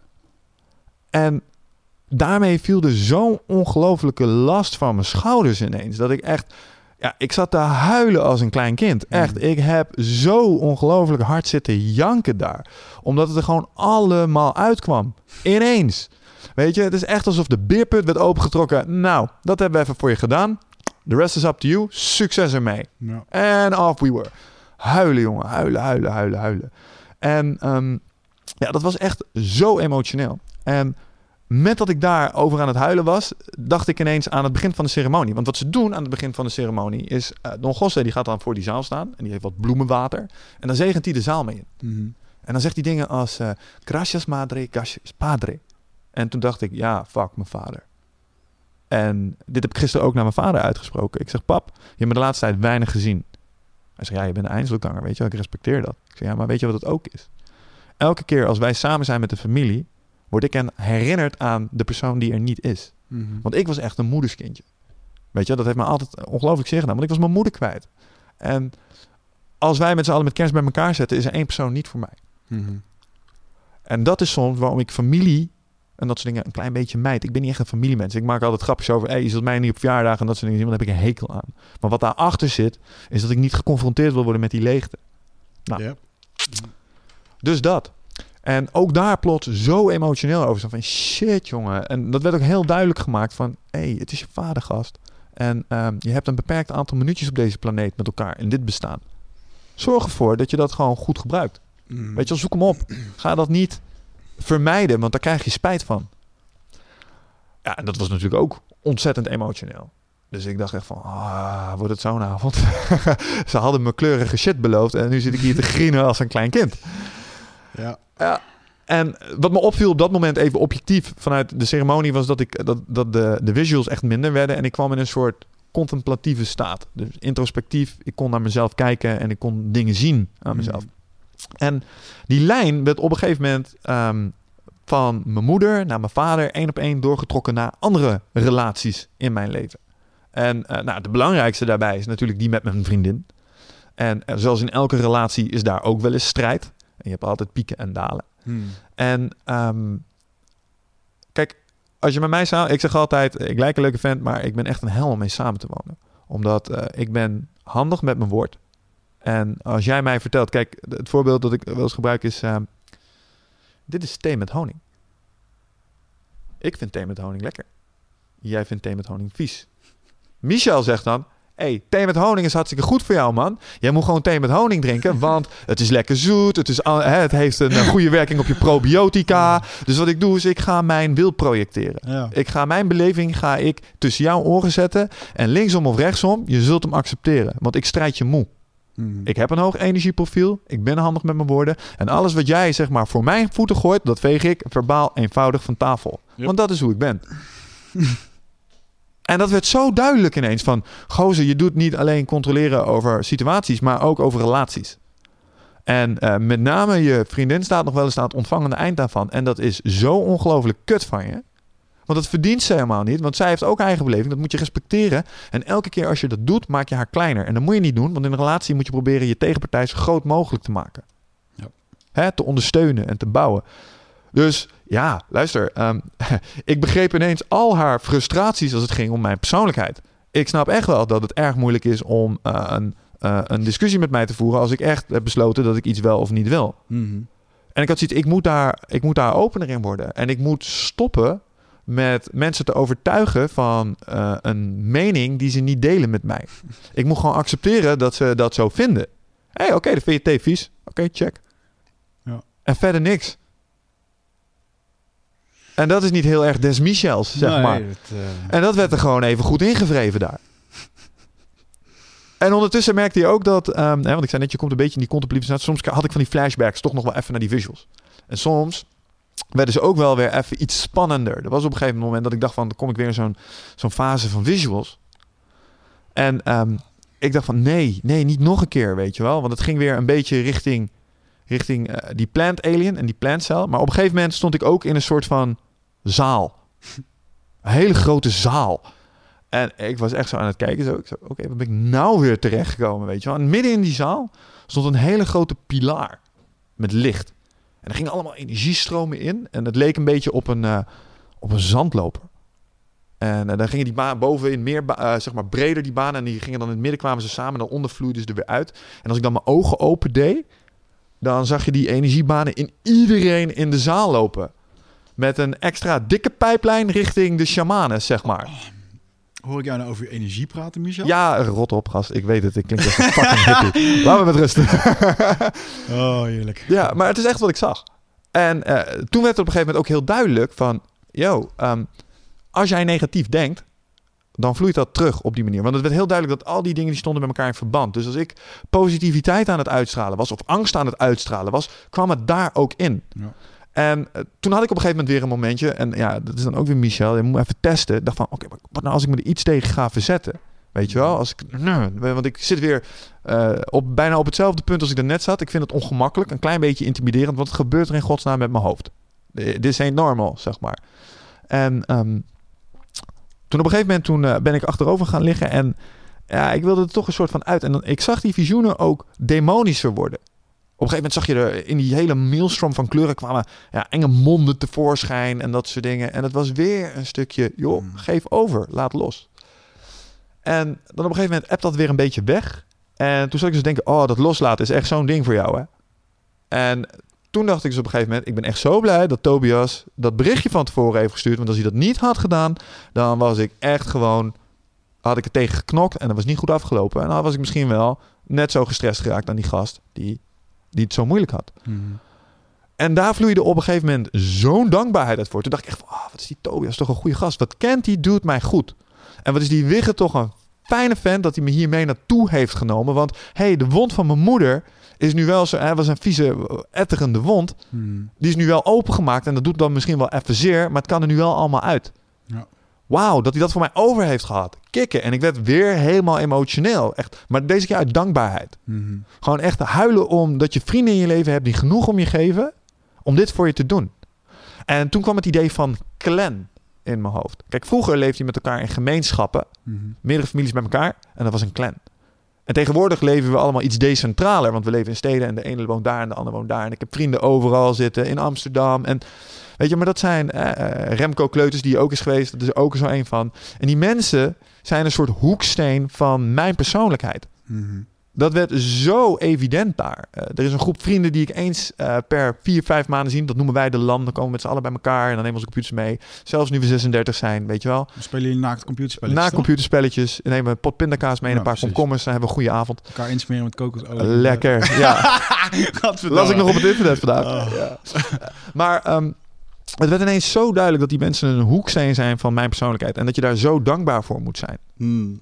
En dat was ook zo mooi. Want je bent niet meer als een... ehm, een ja, hoe zeg je dat? Cumulatie? Samen, eh, opeenstapeling, een gemiddelde, zoals jij dat zo mooi kan zeggen, van de mensen om je heen. The world is your mirror, man. Ja, Dat is echt zo. ja.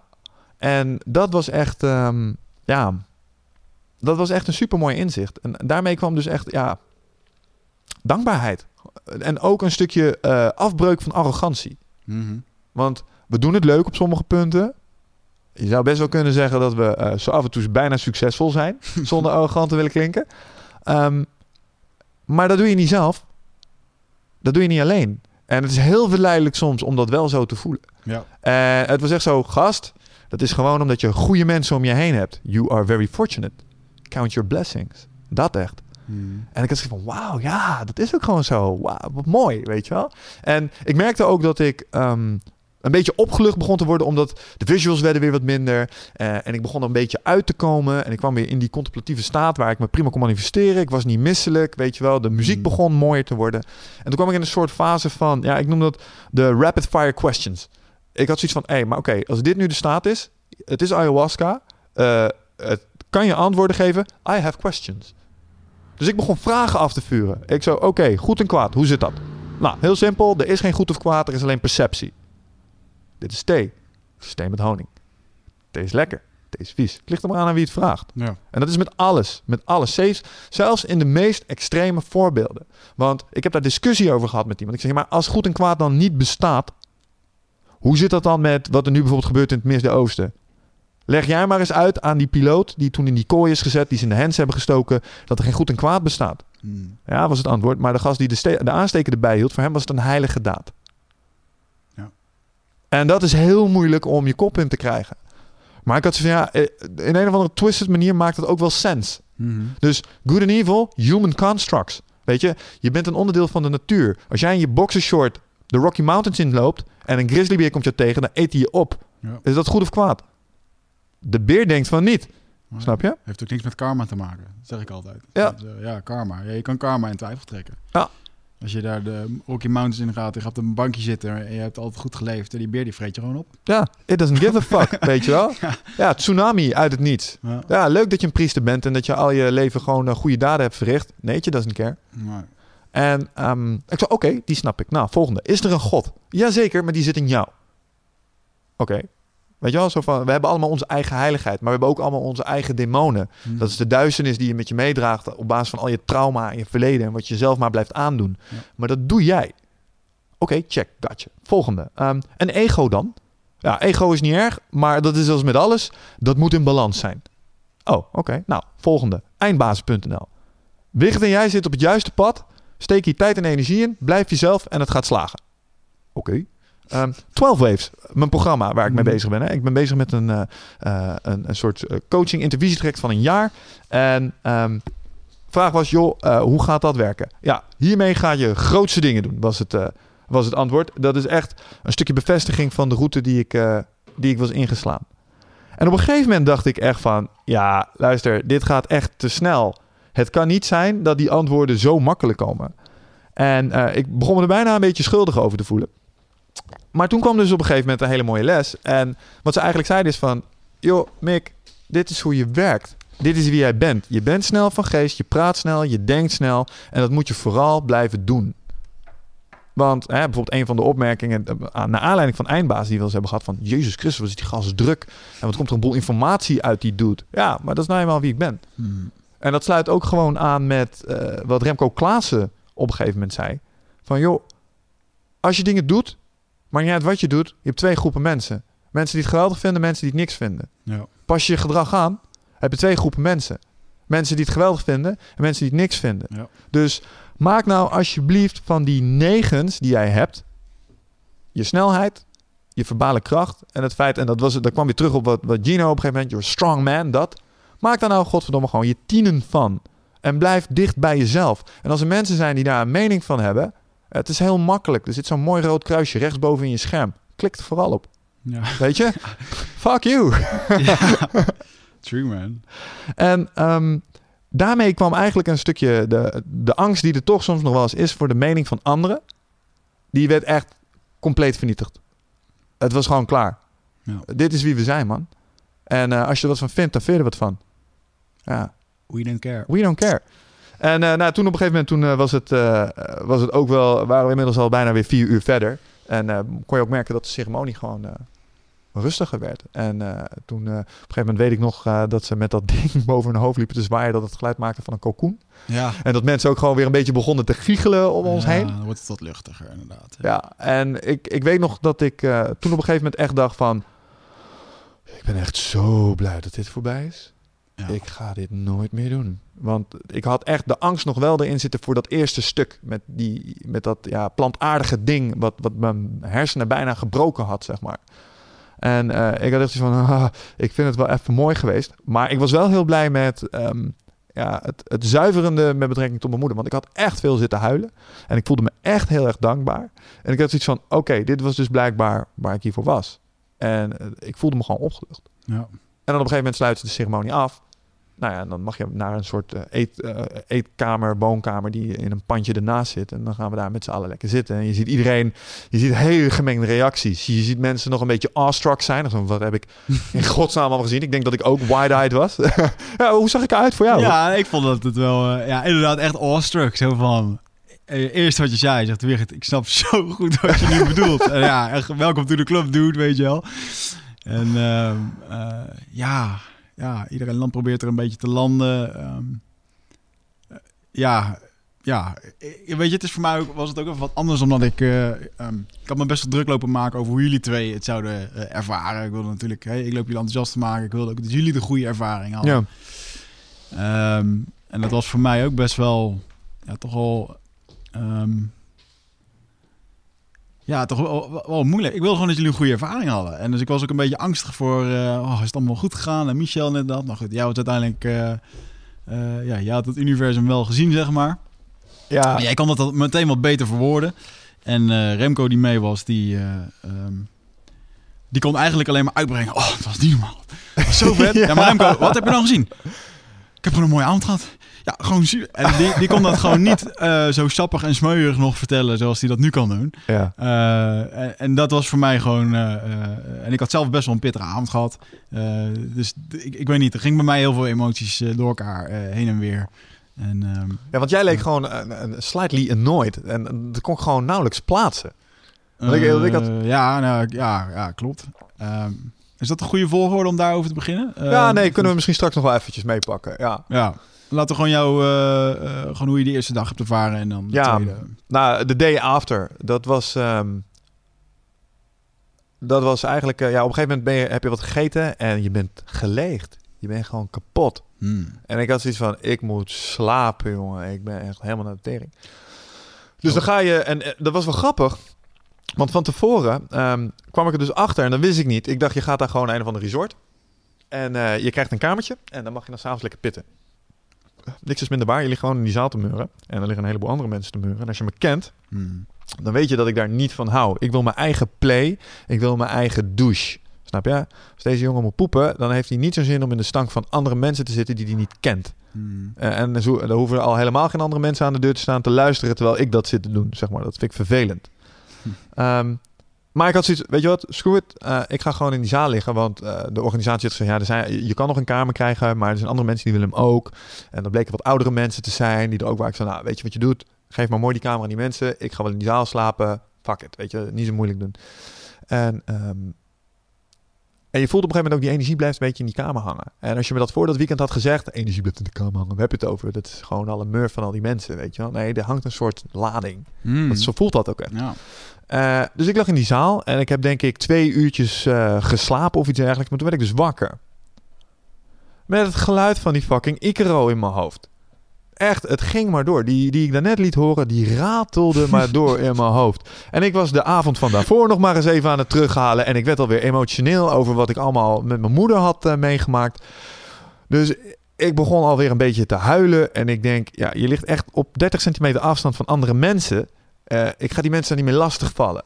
Dus weet je wat ik doe? Ik ben sowieso iemand met een bioritme. Het was 6 uur. Ik was al wakker. 9 uur hadden ze gezegd, ze is ontbijt. Um, screw it. Ik sta wel op. Ik, uh, ik loop eventjes naar de woonkamer. En toen kwam ik erachter dat daar douches waren. Ik dacht, oké, mooi. Ik ga gewoon even douchen. En uh, toen heb ik daar een uur lang onder de douche gestaan. En weer huilen als een klein kind. Hmm. Want het moest er allemaal uit, zeg maar. Het echt gewoon weg ermee. En dat voelde aan de ene kant raar, want ondertussen bleef die... Ik weet nog dat ik, uh, uh, dat ik even gewoon mijn smartphone heb gepakt en Spotify heb aangezet om maar even wat andere muziek te horen. Omdat ik die kutty niet de hele tijd wilde horen. Hmm. Weet je wel, ik zei, dit is niet oké, weet je wel. Het voelt eng. Dit is, want als je een rationele gast bent zoals ik, ja, wat is dit dan? Weet je wel, hoe werkt dat precies? Ja. Het is een beetje creepy. Um, en op een gegeven moment, uh, nou, onder de douche vandaan, een kopje thee gezet. En uh, de eerste mensen die kwamen, die werden ook wakker. Dus toen ben ik mij in de keuken gaan helpen. Ben ik fruit gaan snijden, ben ik uh, groenten gaan snijden. En uiteindelijk werden jullie ook wakker. Ja. Met als gevolg dat we daar gewoon nou, lekker weer verhalen konden delen en dat soort En toen weet ik nog dat we even een mooi momentje hadden daar. Waarbij we wat oorlogsverhalen hebben uitgewisseld. Met name Remco over de good old days met wedstrijden vechten en dat soort dingen. En dat is, ah, is gewoon wel een mooi moment. Weet je, dat, dat denk ik ook nog met veel plezier aan terug.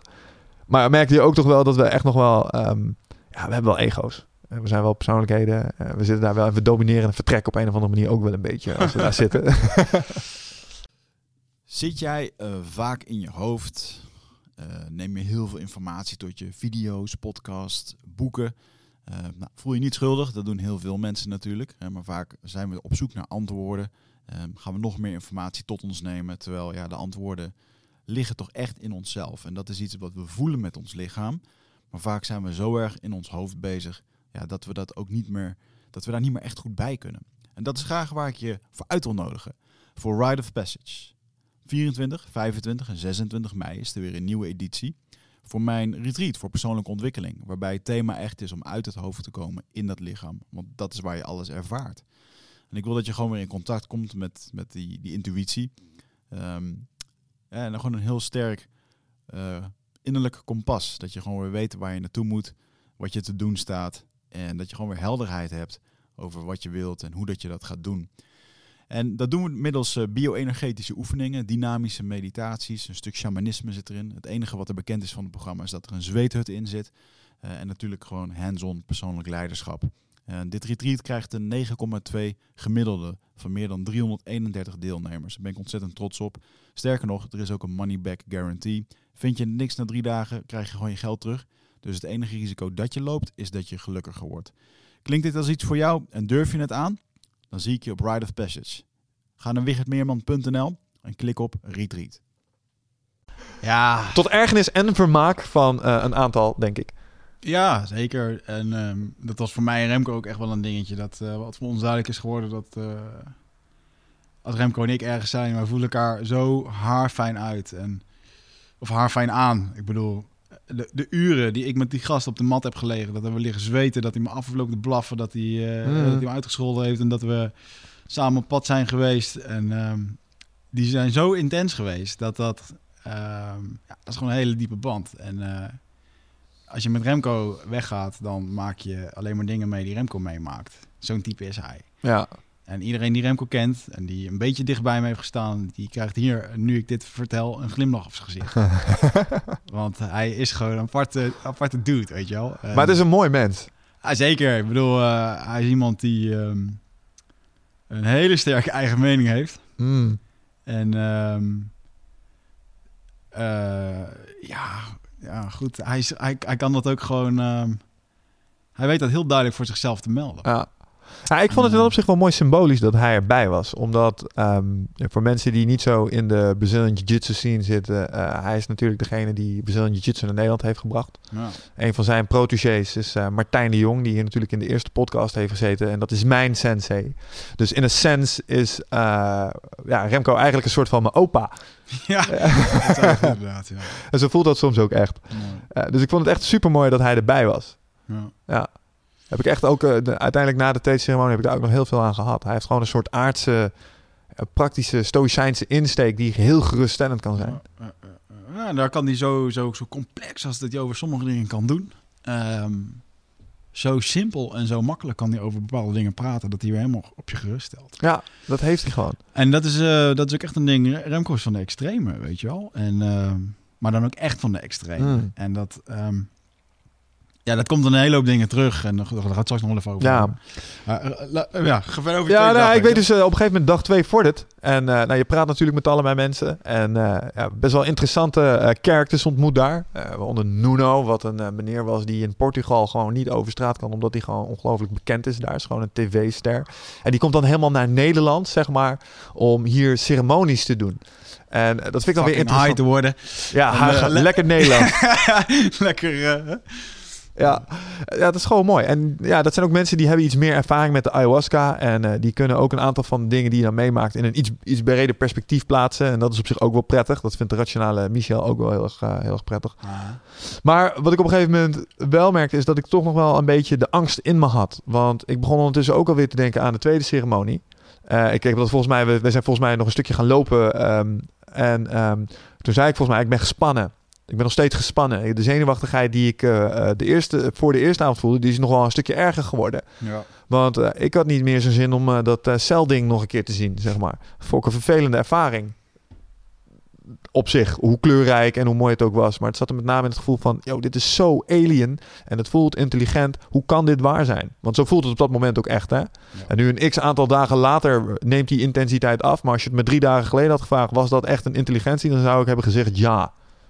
Snap je? Dus dat wordt op een gegeven moment, dat, dat trekt wel een klein beetje recht, maar het was intensief. Um, dus ik was al een klein plannetje aan het smeden. Ik dacht, oké, één ding sowieso. Ik ga voor één kopje. Ik ga niet nog een keer twee kopjes doen. Want dat was misschien een little bit too much. En um, toen uh, stelde ik mezelf gerust met het volgende. Zeg, ik zal het je nog mooi vertellen. Als ik dan een kopje krijg, ja, want die eerste 50 minuten die waren prima te doen voor mij. Dan neem ik, dan drink ik voor vier vijfde leeg. Geef ik gewoon nog een laagje terug. En dan ga ik hem gewoon lekker uitzitten. Dus dat oude gedragspatroon van controle, dat zat er gewoon nog steeds ferm. Mm. Uh, dus dat was mijn plan. Dus ik zeg, dat ga ik gewoon doen. Dus ik voelde me al iets gerustgestelder. Dat heb je niet tegen mij verteld. Nee, dat snap ik, want dat zijn mijn stiekem plannetjes. maar ik vertel het nu open en eerlijk. Ja, Want ik ben erop teruggekomen. En ehm, op een gegeven moment begint die eh, eh, werken we dus weer naar die ceremonie toe. En eh, je gaat op een gegeven moment weer in die zaal zitten. En ik weet nog dat we toen even mochten delen met elkaar. En eh, eerste instantie wilde niemand iets zeggen. Weet ik nog. Ja. Eh, en toen op een gegeven moment begon de eerste. En begon de tweede. Begon de derde. En uiteindelijk heeft volgens mij iedereen heeft wel iets gedeeld over wat hij heeft meegemaakt. Ja. En toen merkte ik ook eh, van, joh, nou, ik ga ook maar wat vertellen. En toen heb ik inderdaad verteld van, joh, eh, loslaten was voor mij echt een ding. En loslaten heeft te maken met, eh, ehm, met controle over anderen. Maar ook ehm, mensen dingen nadragen. Hè, bijvoorbeeld een stukje ja, kwalijk nemen, loslaten. Maar ook angst. Angst ook loslaten. Mhm. En eh, ja, je merkt gewoon dat als je daarover praat op die momenten, dat je ook gewoon weer emotioneel wordt. En toen had ik echt zoiets van, ja, dit gisteren was echt zwaar. En dat bevestigde alleen maar weer mijn plannetje nog een keer. dus ik dacht, oké, is goed. Dus die hele ceremonie die gaat vervolgens weer beginnen. En eh, volgens mij vertelden ze daar ook dat ze zo verbaasd waren over dat die Westelingen zoveel nodig hadden. Ja. Ja. Ja. En ook dat we, dat, dat staat me ook nog bij, ehm, dat ze iets zeiden van, je mag ook best wel trots zijn op het feit dat je hier zit, want je hebt geluisterd naar de roep. Het is niet zozeer dat jij kiest om het te doen, maar je wordt een soort van gesummend. Wat zeg je? Ja, ja, ayahuasca komt naar jou toe op een of andere manier. Of je nou naar deze podcast luistert, of dat je geïntegreerd bent door mijn verhalen of door Michel's verhaal, of, eh, of je gaat er verder op lezen. Eh, Weet je, ehm, als jij vindt dat het jou nodig heeft, dan, eh, dan gaat dat naar jou toe. En hetzelfde als jij naar, naar Remco Klaassen luistert, die bij ons is geweest. En er zijn mensen die boeken hebben gekocht. Hey, dan was dat op dat moment het ding wat voor jou werkt. Ja. Ja. En dit zijn geen half measures, man. Ik bedoel, eh, ja, weet je. Nee, nee, zeker niet. Dit is echt, um, hey, I've been high before, maar ik ben nog nooit zo high geweest. Ja. Heb je nou, dat vind ik wel grappig, want jij bent een seasoned veteran als het gaat om eh, cannabis. Mm. Ehm, ik durf te zeggen dat als ik bijvoorbeeld hash rook, ehm, dan zit er ook wel eens een soort st- stemachtig iets wat tegen je praat of waarmee je communiceert of waarmee je eh, dat je creatieve ingevingen geeft Oh, of wat dan ook. yeah, yeah. Ik bedoel, als je een cannabis promo plaatje, praatje wil, dat kan. Want ik Ja. heb ook echt wel ervaringen gehad op cannabis die nou, niet in de buurt komen hiervan. Want dit Mhm. is echt next level shit. Maar even eh, kort door de bocht, want ons gaan we het over MDMA Ja, nee, nee, nee. Kort door de bocht. ehm, ben je het met me eens dat, eh, dat er in zo'n plant een bepaalde, eh hun noemen het plant spirit, kan Ja. zitten? Yep. Het heeft een, het heeft een net zoals dat een, ja, het, heeft heeft, een een karakter. Het heeft een vergelijking. Het lijkt Ja. wel alsof de, eh, de spirit van, van, van hash of wat- van wiet of van, van Santa Maria. of, of eh, van ayahuasca, dat, dat, ja, dat is gewoon vaag. En dat, dat kan je alleen Mm. ervaren als je deze... Mm. Nou, je hebt nu de vergelijking. Dus dat, eh, Ja, nou, ik kan wel. kijk, sommige dingen die in de ayahuasca ook naar voren kwamen, bijvoorbeeld, hey, alles is connected, alles is liefde. Ik heb echt wel momenten meegehad dat dat ook echt centrale boodschappen waren in, mhm. eh, zeg maar, een heroïsche dosis cannabis. ja. En ehm, ook wel moeilijke momenten.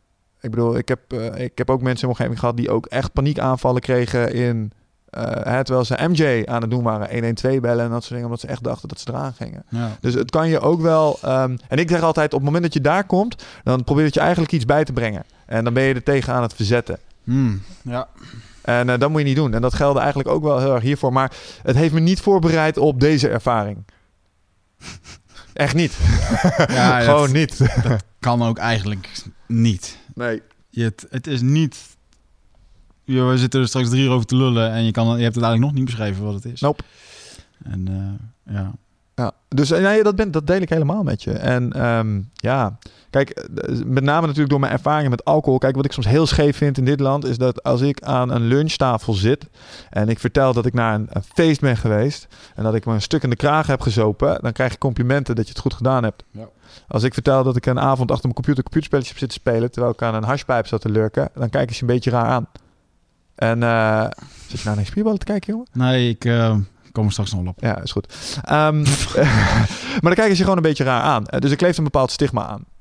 Eh, ik zal niet liegen. Ik heb ook wel even ernstig nagedacht. En thuis wel even overlegd of ik hier op deze manier over zou praten. Mhm. Maar ja, ik zei er net al, de mening van anderen, de angst daarvoor is toch wel slightly afgenomen. Zeker als je papa politieagent is. Ja, maar ja, luister. eh, hij zal direct met me eens zijn dat alcohol vele malen slechter is. Oh ja, dat, uit eigen ervaring geloof ik dat. zeker. En d- daar, je kunt gewoon naar een slijten lopen en dan kun je de meest sterke Het is gewoon een harddruk. Ja.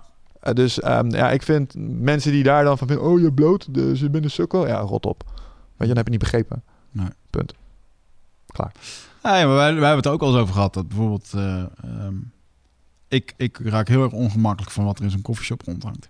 Ja. Ik vind het verschrikkelijk om dat daar te zien, wat daar al die gasten, dan denk ik echt van, stel dat je fucking potheads, weet je wel. Ja. En ehm, als ik dan daarnaar kijk, dan denk ik echt van, ja, dat soort argumenten van, van, de, eh, van de wietrokers, die begrijp ik echt niet. Hm. Maar goed, ik snap wel voor degenen die dat gewoon lekker thuis doen en die er creatief op werken. En, eh, het is eh, met ja. alles, joh. Eh, Ik geloof dat het grapje van een van onze helden is... luister, als je zeg maar door de cannabis over de kling wordt gejaagd... en er was geen cannabis geweest, was het wel iets anders geweest. Ja, mm. Dan waren het hamburgers geweest of eh, drank geweest of wat dan True. ook. Kijk, die mensen zoeken gewoon iets eh, om iets in zichzelf te stillen of te vullen. Eh, En het, het was voor hun toevallig dat. En eh, ik heb dat ook wel als je je grammetje gaat halen, dat je daar elke keer dezelfde gasten ziet zitten, die Ja. de hele dag rondhangen. Dat ik ook denk van, ga eens iets met je leven doen of zo. Want het is gewoon zonde van je tijd. ja. Je hebt een beperkt aantal minuutjes hier en dit is hoe jij ze verkiest om ze door te brengen.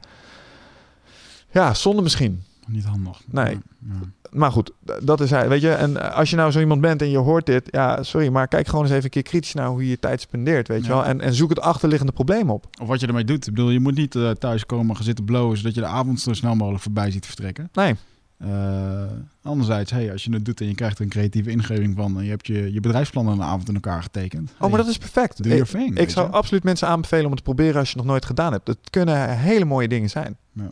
Alleen het moet een balans zijn. Zes aan. En dat is met alles. Zo ook met chips eten. Moet je ook niet de hele dag doordoen. True, man. Top. Nou ja, goed. Hey, en, eh, maar goed, even terug naar je tweede sessie. Ja. Dan uh, blijf een beetje in de Ja, nou ja, goed. verhaallijn. Ehm, nou, ceremonie 2. Je mag dus delen. En eh, vervolgens wordt iedereen weer naar voren geroepen. En eh, ik ging mijn plannetje uitvoeren. Dus eh, ik ga daar zitten. En we- we- eh, wederom, eh, Don José, die kijk je weer intensief aan. Die heeft weer die kaas onder zijn snuffert. En je denkt van, oh. En ondertussen ben ik nog steeds gespannen. Dus ik drink dat kopje half leeg. Nou, laat het vijf zesde zijn geweest. Want ik dacht, ik voelde me ergens ook nog wel weer een beetje schuldig, weet je wel. Je hoorde hem. Ah, Ja, ja, ja. nee, nee, nee. Meer, meer zoiets als, coward. Ja. ja. Nee, nee, dat viel goed wel. Maar ehm, ik had wel zoiets van, ja, oké. En ik ga weer zitten en ik denk, nou, we zien het wel. Ik hoop dat die eerste 50 minuten gewoon weer, eh, weer zo lekker relaxed gaan. Maar ehm, dat is niet hoe het werkt. Die shit werkt blijkbaar cumulatief. Gozer, je hebt dus echt gewoon niet het hele kopje leeg gedronken. Ik heb er een klein beetje in laten zitten, ja. Fucking. Ja, maar ik ben afgestraft. In de zin van 20 minuten later zat deze jongen gewoon weer te pieken, hoor. Ja. Het was echt van, ik dacht van, oké, ik ga dit uitzingen. En 10 minuten later voelde ik de onset al. En 20 minuten later zat ik gewoon, eh, en we waren er gewoon weer. En ik had echt zoiets van, ja, dit krijg je ervan als je het probeert te omzeilen. Weet je wel, het pakt je gewoon direct op je zwakke plek. En ik kon direct weer aan de bak. Ja. En het, ik kan het alleen beschrijven met een gevoel als... Je, hebt, je gaat naar de sportschool, je hebt geen zin. Mhm. Maar Sens staat er en Sens sleurt je er doorheen. En uiteindelijk ben je lekker aan het trainen. ja. Want dat was het gewoon weer. Eh, de, de mantra was... Let go, sit up straight, breathe, you're a strong man, do your work. Dat ging er gewoon door mijn hoofd heen. Don't be gay. Don't be gay. Ja, dit soort, eh, dat, vond ik wel, dat vond ik wel echt koning om dit samen trouwens met jou en Remco te doen. Dat iedere keer als wij dan 's ochtends helemaal in onze tranen onze verhalen zaten te doen. we en iemand toch dat, dat we toch altijd weer een of andere stomme kutgrap tussendoor konden maken. En dat, ah, dat vond ik Ja, maar dat is zo ik- lekker relativerend. Ja. En Maar dat- dat maakt het ook eerlijk, weet je ja, wel. en dat is ook precies wat je op dat moment gewoon even horen moet. Want dan kun je er weer even om lachen. Snap je? Want je zit er middenin. Ja. Maar dat, dat trek je er even uit en denk je... Oké gast, ja, je zit hier ook gewoon te trippen, weet je wel. Het is emotioneel. eh, laat het gaan. eh, het komt allemaal wel goed. Ehm, maar ik zat dus gewoon echt fucking te pieken. Eh, het was best wel weer heftig. Nou, ik zag weer een paar van de gebruikelijke, vis- gebruikelijke visuals tussen air quotes. Ehm, maar ik was aan het werk. Ik was echt aan het werk ermee. En eh, ik kreeg weer allerlei leuke inzichten. En het ging ook nog even een beetje over Ma. En die kwam later in dat verhaal ook nog weer terug. Maar op een gegeven moment, weet ik nog, toen kwam weer eh, mijn favoriete Icaro voorbij. En die duwt mij op een gegeven moment weer eh, tot astronomisch, letterlijk astronomische hoogtes. Hmm. Want ik sta op een gegeven moment, sta ik weer in een andere plek.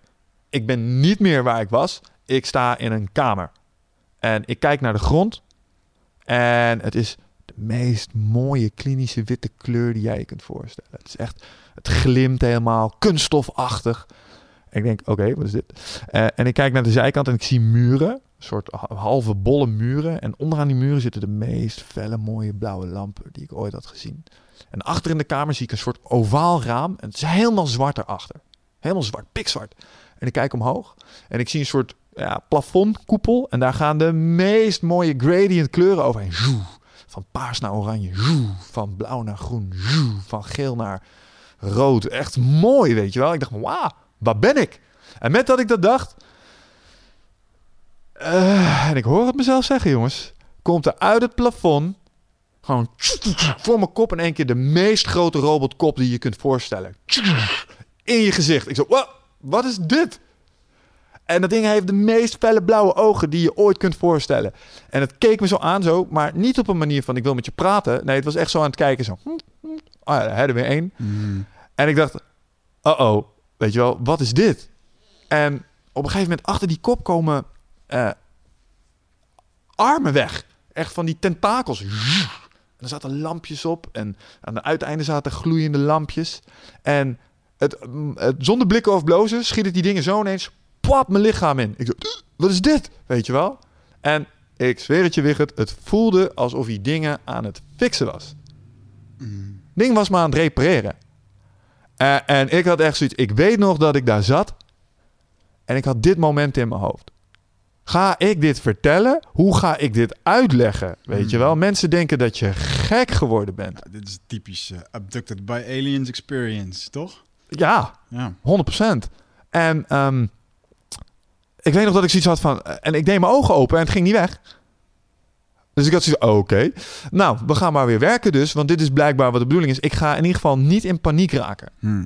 Dus ademen, ademen, ademen en ondergaan. En ehm, heel eerlijk, de angst viel ook eigenlijk wel mee.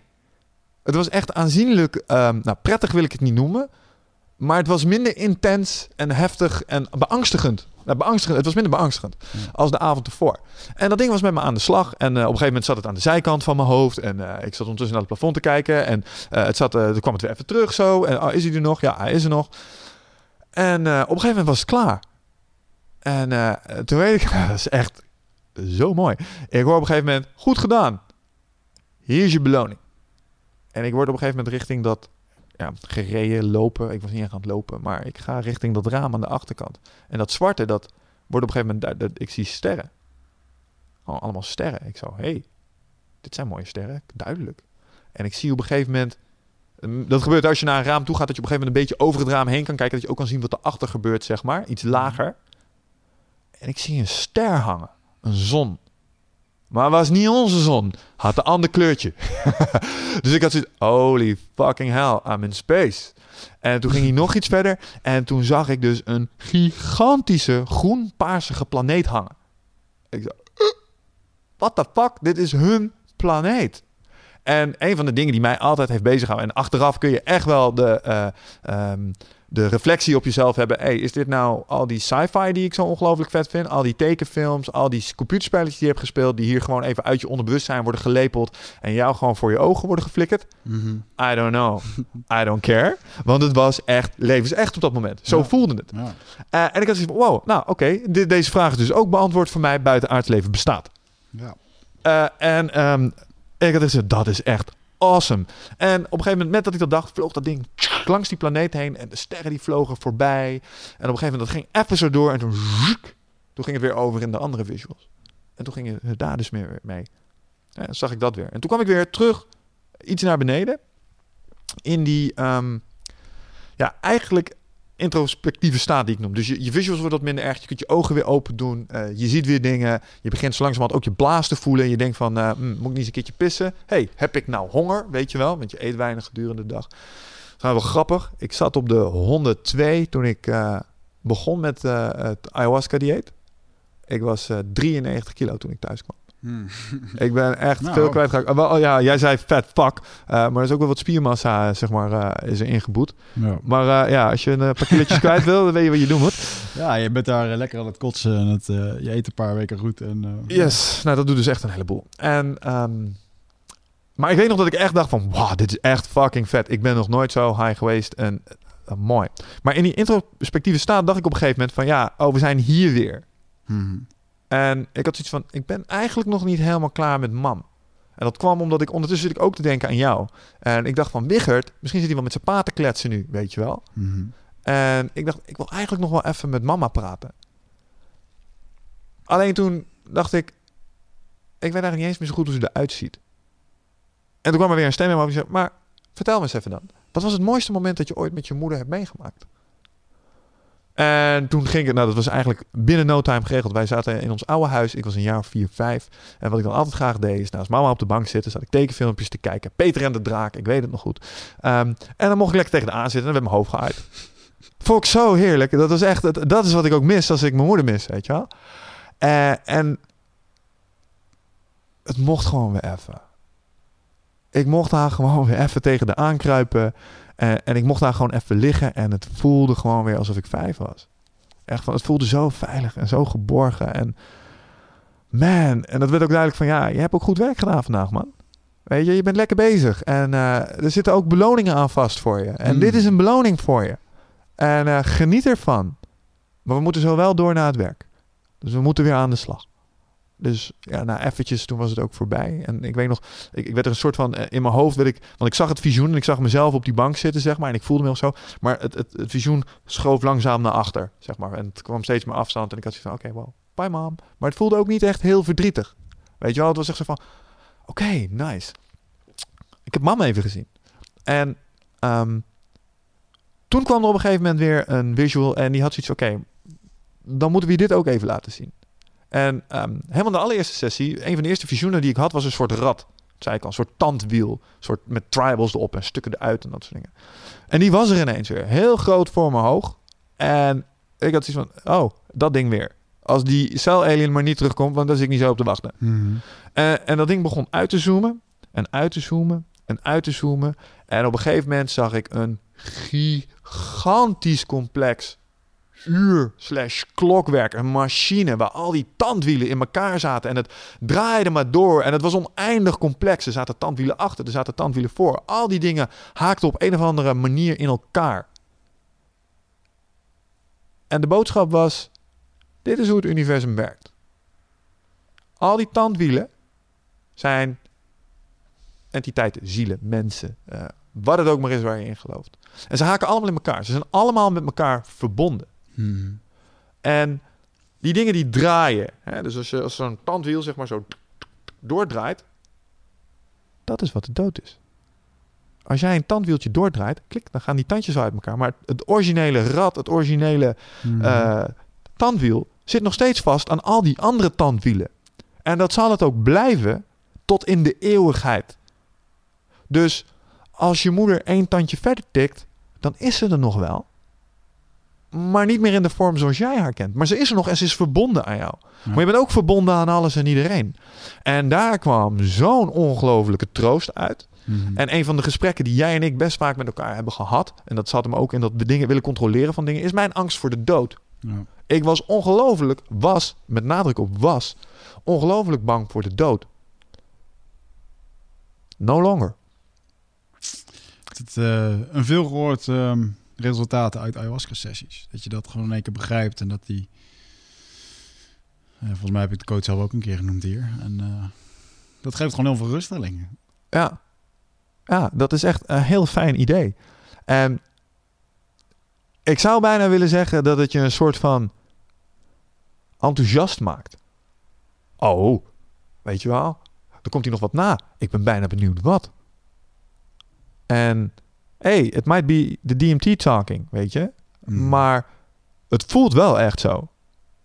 En daar komt echt een ongelofelijke geruststelling uit voor. Want ik was echt een reductionist. Je bent vlees. Je bent een set aan elektrochemische reacties in je hersenen.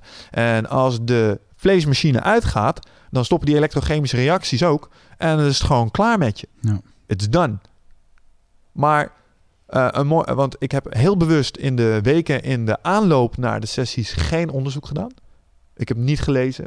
Eh, ik wist al wel het nodige over DMT als je het rookt. Maar niet zozeer over ayahuasca. Anders dan de dingen eh, die jij me verteld hebt. Ja. En er is een hele mooie TED-talk van Graham Hancock... die ik inmiddels twee keer heb gekeken daarover. En hij zegt, joh, het is een beetje als de televisie. Als de televisie stuk gaat, is het een signaal... is er nog steeds. Eh, en ik, ik heb nu een beetje intuïtief het gevoel dat dat nog wel eens een waarheid kon zijn. Dus even after death, the signal is still there. Alleen het gaat over in een andere vorm. En eh, uit de gesprekken die ik dagen, in de dagen erna heb gevoerd, bijvoorbeeld met mensen die het vaker hebben gedaan, ja, die zeggen het eigenlijk ook zo. Die zeggen, joh, dit is een leerschool. Dit is, eh, dit is een ritje. Enjoy it, weet je? Mm. Want man, je, blijkbaar, je bent bijna blijkbaar in een goede attractie gestapt. Ja, dat, dat is heel moeilijk voor sommige mensen om dat te begrijpen. Ja, ik weet hoe het klinkt, hè? Als- Ik weet echt hoe dit klinkt. Ik kan me voorstellen dat je nu thuis zegt... Jesus Christ, what a hippie bullshit is this? Maar man, in je beleving... Ja, weet je, het is heel... ehm, sommige mensen zullen het echt niet begrijpen, maar ehm, als je ayahuasca hebt gedaan, dan heb je, in één keer, heb je in één keer er begrip voor dat jouw broer of jouw zoon of je vader of misschien zelfs en je oom zelfmoord heeft gepleegd. Je kan het in één keer een plek geven. Dingen, dingen, dingen krijgen een reden. Dingen krijgen een, eh, een bestemming, een stukje, een stukje begrip. En dat is, eh, dat is iets wat bij heel veel mensen die hier niet voor openstaan in het verkeerde keelgat eh, zal schieten. Of waar, Mm. waar het nog heel erg vers is. Maar eh hey, ja, ehm, ja dit, die Gino zei dit ook. Hè? Dat alles gebeurt voor een reden. Jij zit hier ook voor een reden. Mm. Hij zegt, en niks is, eh, eh, dat is heel erg sterk hun mening, van niks is, eh, niks is toeval. Nee. En ik heb in de dagen erna ook dingen zien gebeuren in mijn omgeving. Eh, dat je bijna de indruk krijgt dat medicijn werkt door mij ook in anderen. Eh, en ineens word ik gebeld door mensen die zeggen... hey, ik heb over je gedroomd, man. Hey, ik wil even contact leggen met je. Dat je echt kippenvel krijgt. Dat je denkt, dit kan geen eh, toeval zijn. En ik weet wat Hmm. confirmation bias is. Ik weet het echt wel. Weet je wel? Als mensen je bellen en je denkt net aan ze... en je pakt op, hey, ik dacht net aan je. Mhm. Weet je wel? Dat is niet bovennatuurlijk. Dat is gewoon toeval. Maar joh, als mensen echt eh, over je dromen ineens... weet je wel? Ja, ik kreeg echt de behoefte om even contact met je te leggen. Hm. Dat is raar. Ik kreeg Ja. kippenvel van. Ik zei, oké. En ik heb, ik heb meer van dat soort dingetjes in, in mijn omgeving plots gezien. Hm. En soms weet je in sommige situaties ook ineens wat je moet zeggen tegen mensen, waardoor ze echt ineens voor je ogen in tranen uitbarsten. Oh ja, je bent veel bewuster over. Je voelt, ben, je voelt, eh, je voelt dingen veel beter aan. Ja. En ehm, dat, dat scheelt dat ego wat om je heen zit, wat normaal overal een beetje eh woest doorheen beukt voor je eigen, eh, voor je eigen gemoedstoestand. ja, dat kan in één keer veel meer, eh, kan ook gewoon de energie van anderen op, op- opvangen, voelen, Ja. waardoor je gewoon wat een beter mens wordt. Nou, en de behoefte om, om het te delen ook. Want ehm, ik heb je altijd heel erg bewonderd om je moed in de eerste ayahuasca podcast. om- want je hebt jezelf best wel kwetsbaar opgesteld op sommige momenten. Dat ik echt dacht van, wauw, ik weet niet of ik dat zou durven. Want dat is shit die mensen geen reet aangaat. Maar dat is ook een soort van, dat valt een soort van van je af. Ja, ja, maar dat is ook het. eh, waarom moet er van die. eh, waarom moet er gedeeld worden de volgende dag in heel de groep? Ja, dat hoort erbij. En eh, bij, zeker bij de Shipipo in, eh, eh, in Peru kan het soms uren daarna waar men het erover heeft. En dan Mm. is het helemaal, die hebben daar ook helemaal geen tijdsbesef in van ja, ja soms lult iemand een kwartier lang en is het erg lang en vermoeiend. Zeker als hij dat met een Frans accentje probeert uit te leggen. Maar ehm, weet je, het- ja, sommigen hebben echt gewoon, eh, sommigen kunnen het ook gewoon mooi vertellen dan anderen. Mm, true. En ik heb een hele mooie quote gehoord van mijn buurman daar. Die zei op een gegeven moment iets heel moois. Ayahuasca eh, moet je een beetje zo zien. Ehm, load universe in cannon. Aim at brain. Fire. en het is juice. Ja, ik snap het. Ja. Eh, een aantal van die dingen, they make perfect sense now all of a sudden.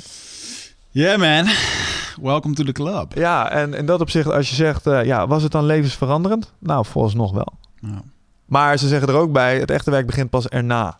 Want ik merk ook alweer dat ego eh, zijn ding probeert te doen. Weet je, it's trying to regain control. Ja, En eh, ja, zeker. En problemen lopen niet weg. Ik bedoel, eh, je kan je, je bankrekening niet vol mediteren. nou ja, gebruik de quote maar even die je tegen mij aanhaalde... om mij weer even met beide voeten op de grond te zetten. Weet je hem nog? Van die tijger. Ja. Dat je jezelf niet uit een tijgeraanval weg kan mediteren. Exact. Dus hey, de rekeningen moeten betaald worden. Mhm. Je moet nog steeds opletten in het verkeer. Weet je wel, je moet gewoon nog steeds normaal doen tegen mensen. Ja. Zo is het ook niet. Het is niet alsof we nu alleen maar in het, boom staan bomen te- of in het bos staan bomen te knuffelen. Nee, er moet gewoon gewerkt worden. Sterker nog, ik heb meer zin in werken als ooit. ja. Want die aantal minuutjes hier zijn zo waardevol. True man, ja, ik, eh, het draagt absoluut bij aan je daadkracht en wat je, wat je, waarvoor je hier bent. En, eh, ja. Ja. Dus ja, in dat opzicht ehm, echt een van de mooiste ervaringen uit mijn leven. Ik vind het fucking vet, joh. Ja, ja dat snap ik. ja, ik weet nog zo goed dat jij zei dat cynische stemmetje van jou, jongen, dat gaat er aan. En dat ik dacht, ja jongen, dat komt wel goed. Ja, dat, eh, ja. Nou goed, ik, eh, I keep my mouth shut. Ja, ja, maar dat is gewoon mooi. Ja, maar ja, god. Het is gewoon zo. En dat mag ook gewoon gezegd worden. So what's next, man? Heb je, een, eh, heb je zoiets van ik wil dit snel weer een keer doen? Of eh, ben je voorlopig al even klaar? Of, eh, Mm, Na avond 1 had ik gezegd, nee, ik doe het nooit weer. Nu zeg ik, ja, ik doe het zeker nog een keer. En misschien ook wel vaker. En ik voel ook de behoefte om ehm, mensen erin te helpen.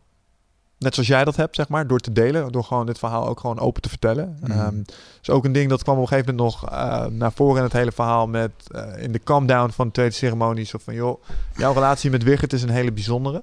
Ehm, zorg ervoor dat je dat vasthoudt. Jullie zijn ook allebei wel op je eigen pad bezig. Daar hebben wij ook over gesproken met elkaar, weet je Mm. wel. Eh, en als, als jullie je, je doelstellingen alignen met elkaar, great things gonna happen.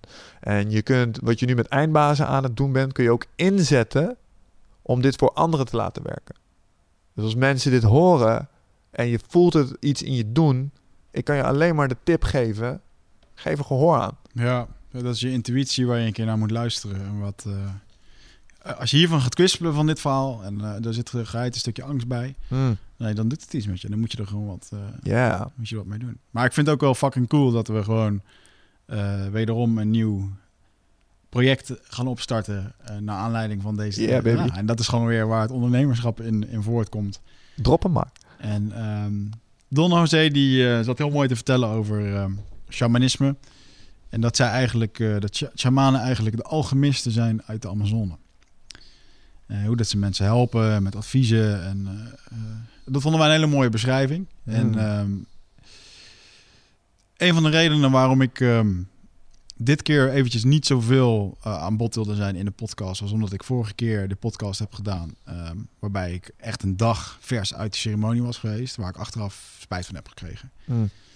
Ehm, omdat ik vond dat ik dingen ehm, achteraf niet vloeiend lekker heb verteld. Eh, er zijn nog heel veel dingen achteraf op zijn plek gevallen. Ik vond het zo mooi dat, eh, want jij had ook op een gegeven moment maar één beetje emotioneel moment daarin. Als ik dit de dag erna had verteld, dan Mm. was het alleen maar dit geweest, weet Ja. je wel. Dus ik vind er echt respect ervoor dat je dat nog op die samenhangende manier kon brengen. Ja, ik denk dat het voor de meesten zal het niet eens zo erg opvallen. Maar goed, ik, het gaat om mij, weet je, om, voor mezelf. En ehm, Hmm. dan had ik dat niet nog een keer zo gedaan.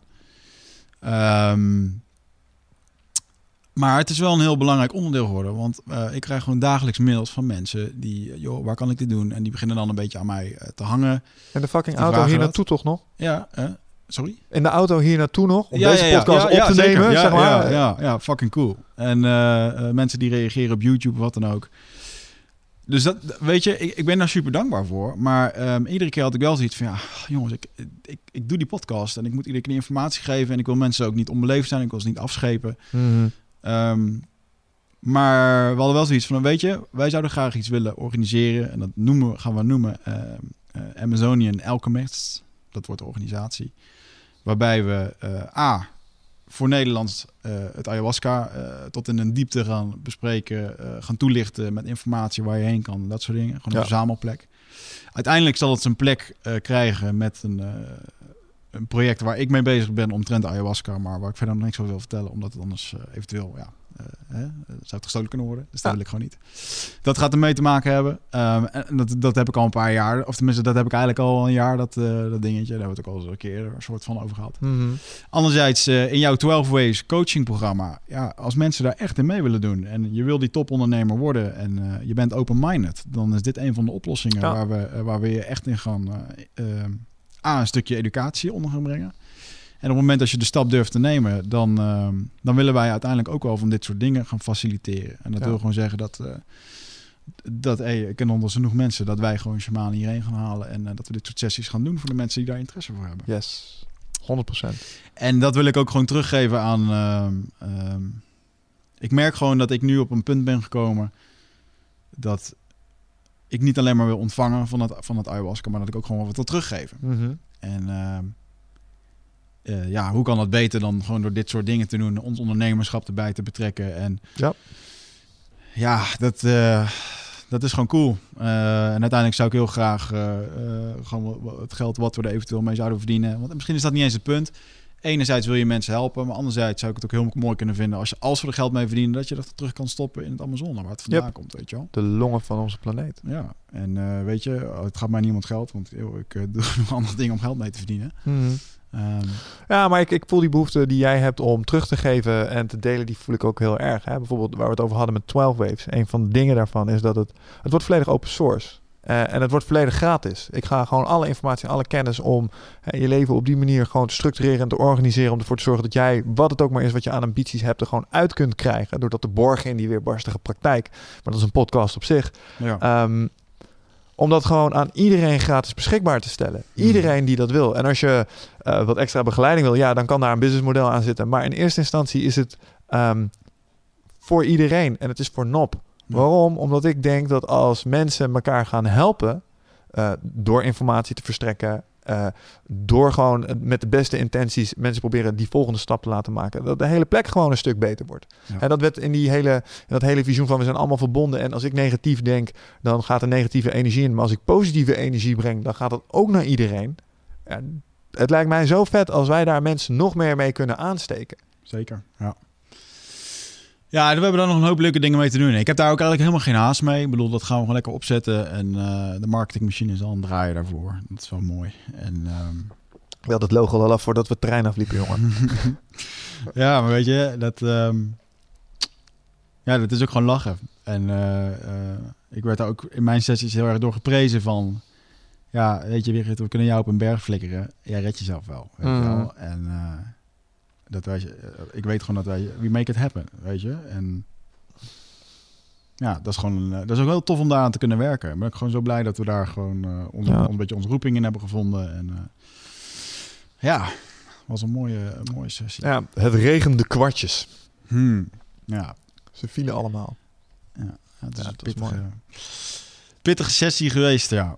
Ehm, ja, maar dat was nog wel echt even een ding. Dus dat, dat begreep ik dus ook achteraf van jou. Dit waren dus echt geen standaard. eh, dit was niet Ja. helemaal eh, op toch een old be- school, toch? Nou ja, om toch, ja, ik weet niet of het oldschool is. Gewoon zo- zoals zij het zeiden, gewoon zonder drama.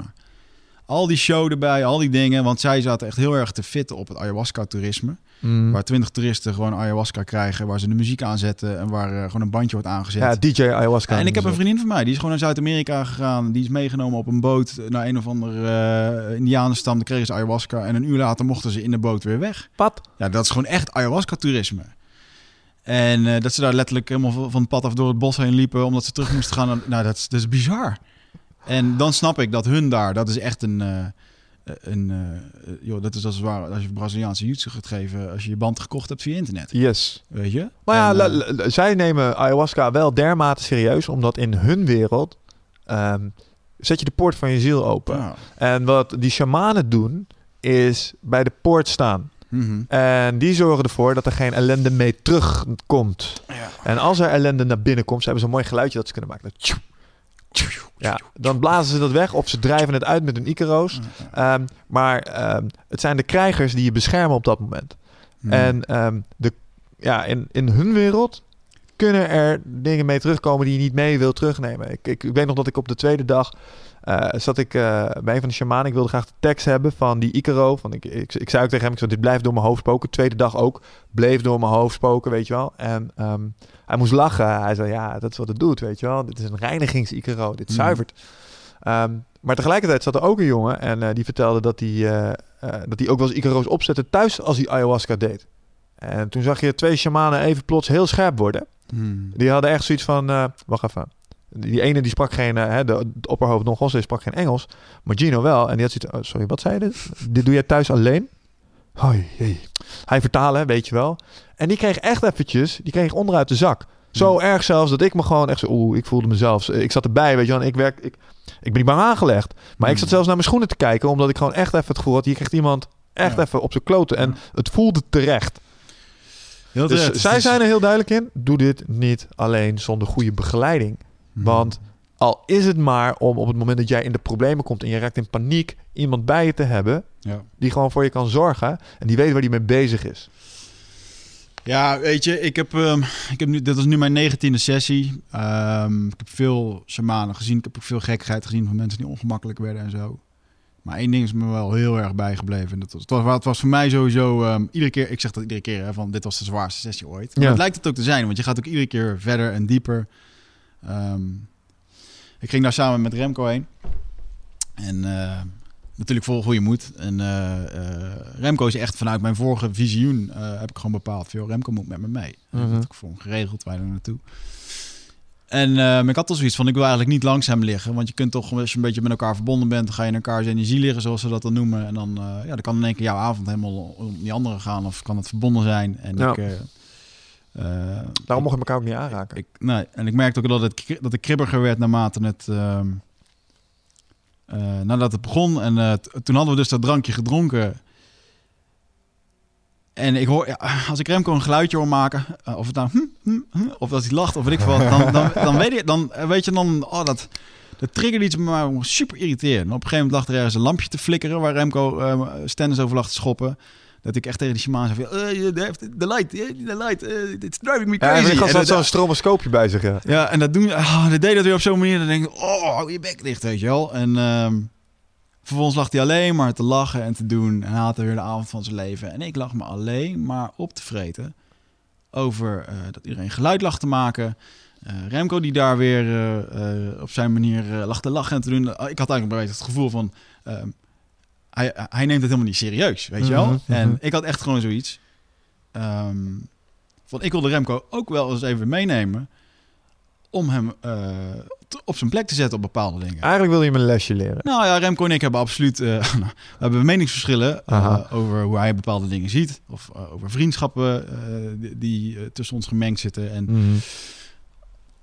Mhm. er zijn perioden, dan wordt dat even heel actief besproken. En soms dan rust dat wat meer. Maar dit, dit is het moment waar dat soort dingen allemaal naar boven komen. En ik had gewoon... eh, op een gegeven moment lag die vrouw aan de overkant lag dood te gaan. Of klaar te komen, we weten het nog steeds niet. Mhm. Maar die... eh, en echt alle, ik kreeg het niet gecontroleerd. En nou, dat, bij mij ging het dus ook die controle weer. Van joh, je wil alles controleren. Nou, ik kon dat niet. En ik vond het fucking irritant. En er was echt heel veel frustratie in, eh, in datgene. Ik had ook van, ja, ik zit hier voor mezelf. En nu gaat het de hele tijd over Remco. En, en anderzijds zag ik ook alweer de, echt de, de lachen dingen tussen mij en Remco. Want ik heb met die gast heel de wereld over rondgereisd. En Ja, man, als ik die Eh, verhalen van jullie hoorde in de tweede dag, dat is toch fucking net een film, jongen. Ja, dat, dat zeker. En dat, dat is ook echt iets wat ik alleen met Remco kan delen. En waar we gewoon uren over kunnen lullen als we er zijn. En dat, en dat gewoon van... Ik heb niet veel mannelijke weekenden eh, meegemaakt met, die zo mannelijk waren eh, met andere mensen. ja. Dat, hè, dat we gewoon soms om zes uur thuis kwamen. Smiddags werd er kooi, even, even kooi weg, 3000 euro pakken, iemand anders zijn kop in elkaar beuken. S'avonds weer op stap. Eh, ja, ik zal je alle sappige details Die bevaren. mag je jezelf komen vertellen. Maar- ik vond het mooi in ieder geval. Fuck, weet je, wat heb ik gelachen met die gast. En ehm, eh, dat waren ook dingen die ik ehm, continu daar zag. En als ik dan begon te lachen en, ik, en Remco lag echt helemaal in de scheur. Remco had allemaal visioenen dat hij een draak was. En dat ik, dat ik achter in zijn, in zijn nek zat. En dat we samen aan het vliegen waren. En Vanuit een never ending story. dat was echt zo, eh, zo bizar. En ehm, eh, ja, het was eh, heel, heel moeilijk. En voor- mij was het echt de persoonlijkste sessie die ik ooit heb gehad. Het ging zo erg op mijn gevoel in en op mijn eh, bepaalde dingen. ehm, eh, waar ik het eigenlijk niet echt over wil hebben. Ehm, omdat er nu deze week nog steeds heel veel dingen op zijn, op zijn plek vallen ook. Ja. Ehm, maar heel kort ging het er bijvoorbeeld... Ik had gewoon best wel een klote avond ook. Omdat ik... eh, ik ben nu met een meisje aan het daten die ik super leuk vind. Ehm, en eh, als je twee personen kent... Ja, je moet op een gegeven moment iemand leren begrijpen. Mhm. Waarom denkt iemand zo? Waarom handelt iemand zo? En zo werd het eigenlijk heel mooi getekend. Want zij is heel erg... eh, een soort van makkelijk. Hè? Zo- Maar ergens... Zeg maar rustig gewoon compleet tegenovergesteld van jou. Eh, nou ja, ja, ja, ja. Nou, ze is, gewoon- ja, het is gewoon super makkelijk. Ze zijn super relaxed, weet je. Ja. Ik vind het zo heerlijk. En, maar anderzijds, omdat eh, zo werd het een beetje getoond, zag ik haar in één keer ook weer met dat hele eh, tandwiel gebeuren in haar lichaam. Van ja, onder dat, boven dat de eh, relaxte wat eruit straalt, daaronder zit een super complex iets Mhm. wat haar een bepaalde persoonlijkheid maakt. Eh, waar je mee om moet leren gaan. Ja. En eh, daar had ik af en toe wel eens wat moeite mee om dat, eh, om dat wat te peilen. Ehm, en ik heb eigenlijk in die avond heb ik alle pijn ervaren die zij heeft ervaren in haar leven. Met allerlei kwesties. om haar beter te begrijpen. Mhm. Alleen toen besefte ik dat zo nog niet. Ik heb gewoon die avond alleen maar kutzooi meegemaakt. Eh, pijn gehad. Eh, ik kon niks controleren en niks sturen. Tweede avond want- heb je nu over, hè? Ja, eerste, tweede avond. Ja. De tweede, Tweede, avond kwam je echt verneukt uit namelijk. Ja, ik, ik weet het niet eens meer welke avond het was. Want echt, de, twe- en inderdaad, de tweede avond, toen ging het... eh, toen had ik ook echt als intentie van... Joh, dit moet vanavond niet weer over Remco gaan. Ik heb 's ochtends toen nog...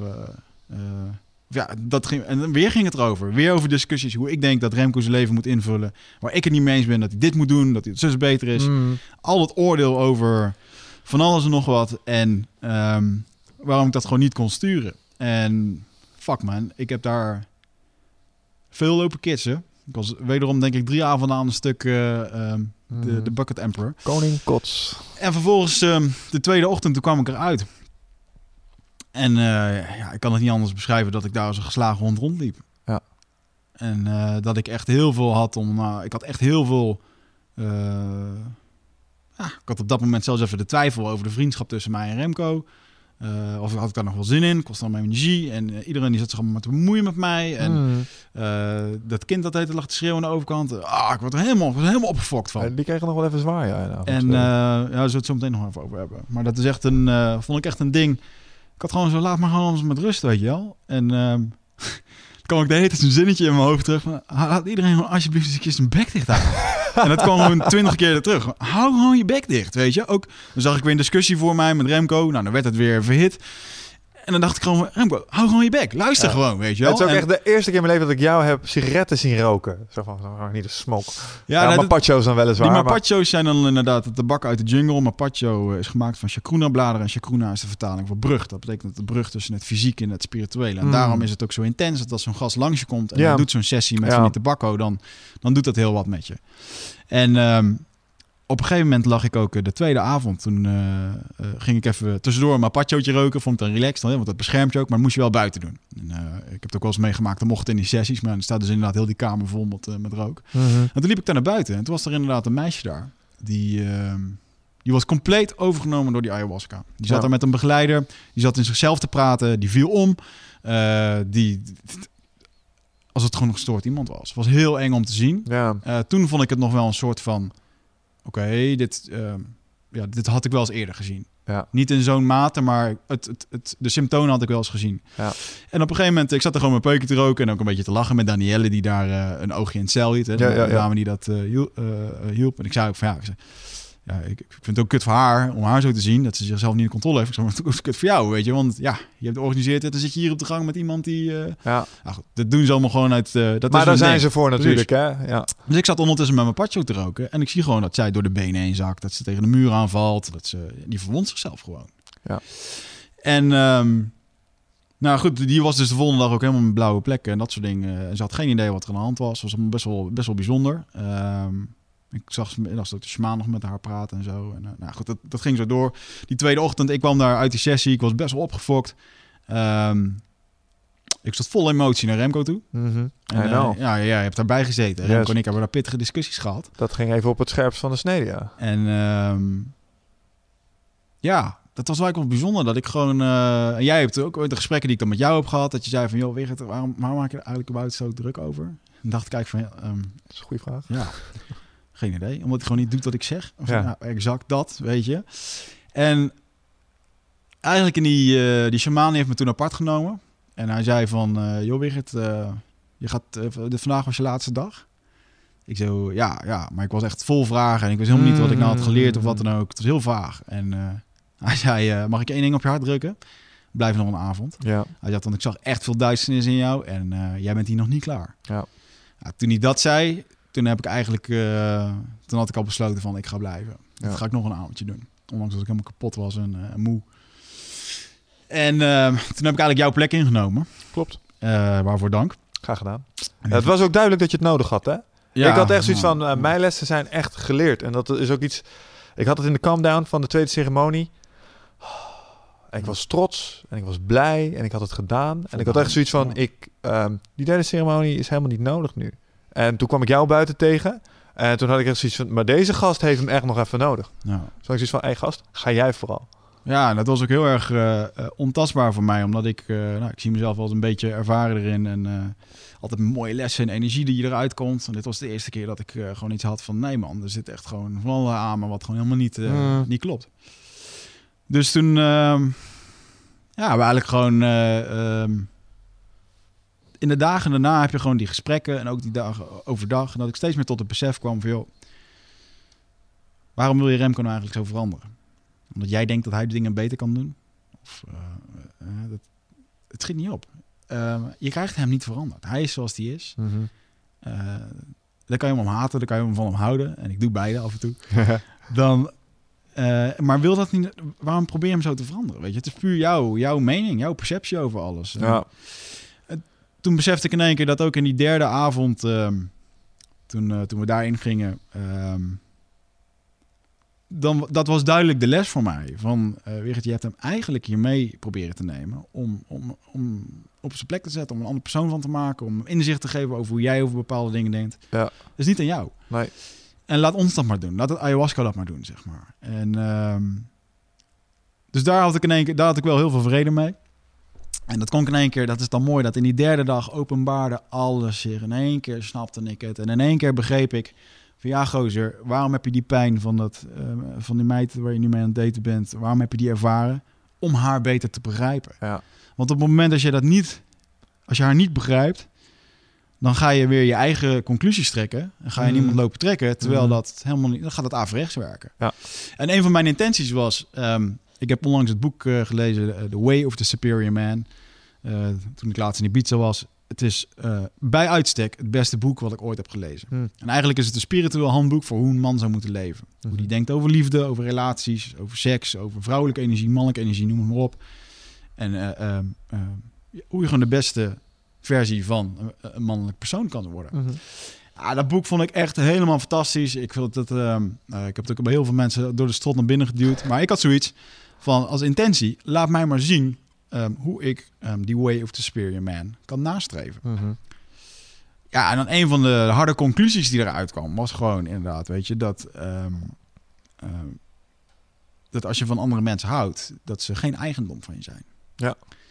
Dus ik, ik hou het veel van Remco, het is een goede vriend van me. Maar ja, hij maakt zijn eigen keuzes, hij maakt zijn eigen dingen. Het is zijn werk. Ja. En hetzelfde met het, eh, met het meisje wat ik nu aan het daten ben. Eh, ja, ik, het is geen eigendom van mij. Ik moet dat niet toe-eigenen. Nee. Ehm, hè, want eh, hoe harder je dat doet, hoe harder dat iemand met zijn hakken in het zand gaat staan. Dat gaat dan weer niet werken. Ehm, het is eigenlijk een soort van houden van, zonder ownership. Ja. Zonder dat je... dingen bezit. claimen. Zonder bezit, inderdaad. Dus in die derde dag heb ik echt... ehm, eh, fuck, wat had ik daar een pijn en een dingen. Ik heb op een gegeven moment, ik zag gewoon een of andere lichtgevende mandala bloem. Zo'n Indische tekening van een Mhm. bloem. En die zag ik helemaal fucking neon lichterig. En die klapte in één keer helemaal open. En het was letterlijk alsof mijn hart openbrak. Het was Ja. gewoon een waterlelie die opensprong. En in één keer viel het kwartje van je hart is gewoon nu weer geopend. Dat is gewoon, je kunt niet houden van iemand anders eh, met een gesloten hart. En dat is ook de boodschap in dat boek van The Way of the Superior Man. Het is beter om te leven met een open hart en gepijnigd te worden Mhm. en ervan te leren, dan dat je met een gesloten hart eh, ja, nooit jezelf helemaal kan geven of doen. Nou, dat, Dan zul je nooit je volle potentieel leren benutten. ja. Ja. En dat was super, super, super krachtig. Eh, waardoor ik gewoon in één keer een onwijze rust kan hebben in andermans mening. Ehm, ja, hoe- Remco over bepaalde dingen denkt. We hebben daar nog steeds dat soort discussies gehad. En dan, ja, oké, weet je. En eh, ik merkte ook, wat ik mooi vond om te zien, was dat Remco in sommige dingen nog super eh, stug en, en fel was. En dat ik hem eigenlijk, ik heb hem deze week nog gezien. en We hebben samen getraind. En dan merk je toch dat er een, een bepaalde zachtheid in hem is gekomen. Mhm. Waardoor dingen minder fel worden. Ja. Waardoor, weet je, en ja, dat is gewoon heel erg goed. Ehm, Die man die zit zo na te gloeien. nou, en ook, weet je, een ander ding. Ik heb bijvoorbeeld een van de redenen waar ik zelf een beetje van baal was in die vorige podcast, dat ik eh, bijvoorbeeld over mijn, eh, mijn ex, eh, ja, heb ik wel even besproken over hoe ik daarover dacht. Ja. En dat, dat tot, tot en met vorige week dacht ik er ook eigenlijk nog wel zo over. Het werd wel minder ook met de weken. dacht ik eigenlijk van ja, jongen, waarom heb je nou weer zoveel aandacht aan lopen zeker? Nou, dat, goed, dat was dan in de trant van de podcast. Hè? Je wil die info geven. En eigenlijk is het heel erg stom dat ik nu... ehm, ehm, het meisje wat ik nu aan het daten ben, eh, is niet mijn vriendin. Maar ehm, ik durf nu wel te zeggen dat ik mijn hart durf open te stellen voor iemand anders. Mhm. En ehm, omdat ik dat überhaupt kan doen, of dit nou een relatie geworden of niet, Mhm. betekent dat ik in één keer heel veel vrede heb eh, met, mijn, eh, ja, met mijn ex. Mooi. Zo tevreden dat ik deze week gewoon, ja... Ik wil eigenlijk helemaal geen contact meer hebben. Ook een paar maanden niet gehad. Dat ik gewoon weer een sms heb gestuurd van... joh,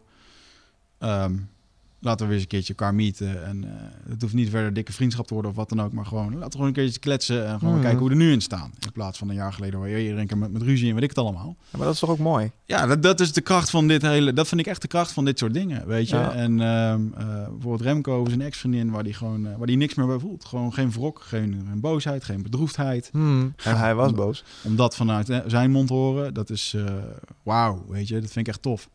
En eh, da- daarom vind ik hem ook echt gewoon een... eh, gewoon een samurai meester. eh, dat hij dat gewoon... eh, ehm, ik ben, ben zo blij voor hem dat hij, dat hij dit nu in dat pakketje kan opnemen van Ja. zoals hij is. En dat, ja, dat gaat hem echt heel veel goed brengen als persoon. En hij was al een geweldig sensei, maar nu wordt hij nog een beter sensei. Ja, nou weet je, je zag het ook gewoon lekker in zijn lesgeven. En dan zit hij lekker in zijn vel. En ehm, ja, dat is gewoon Remco zoals hij hoort te zijn. Zoals hij hoort te schijnen. En ehm, ja, goed, eh, weet je, hij moet zijn eigen weg eh, gaan. En iedereen van ons heeft nog een lange weg te gaan.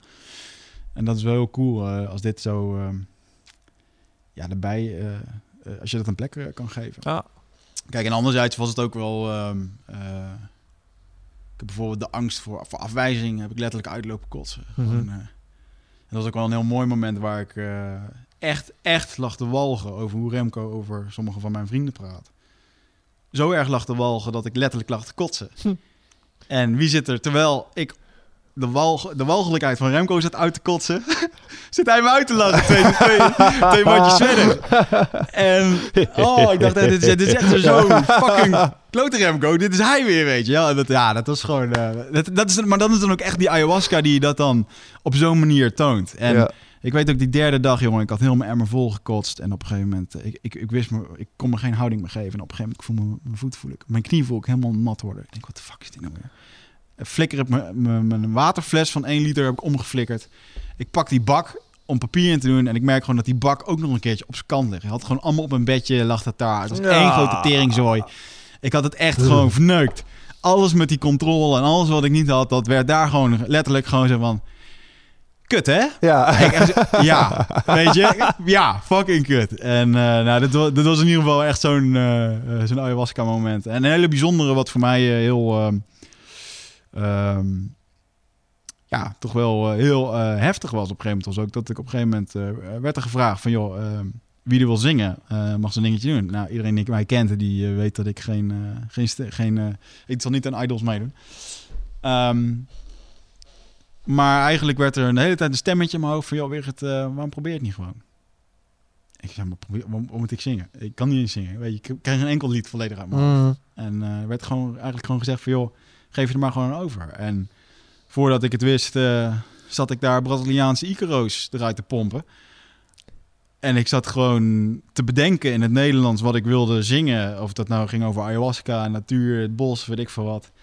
En ik had daar gewoon vijf minuten lang in het Braziliaans Icaro's taal van de goden-achtig iets zitten zingen. Terwijl zo'n Don José met 34 jaar ervaring daarbij stond.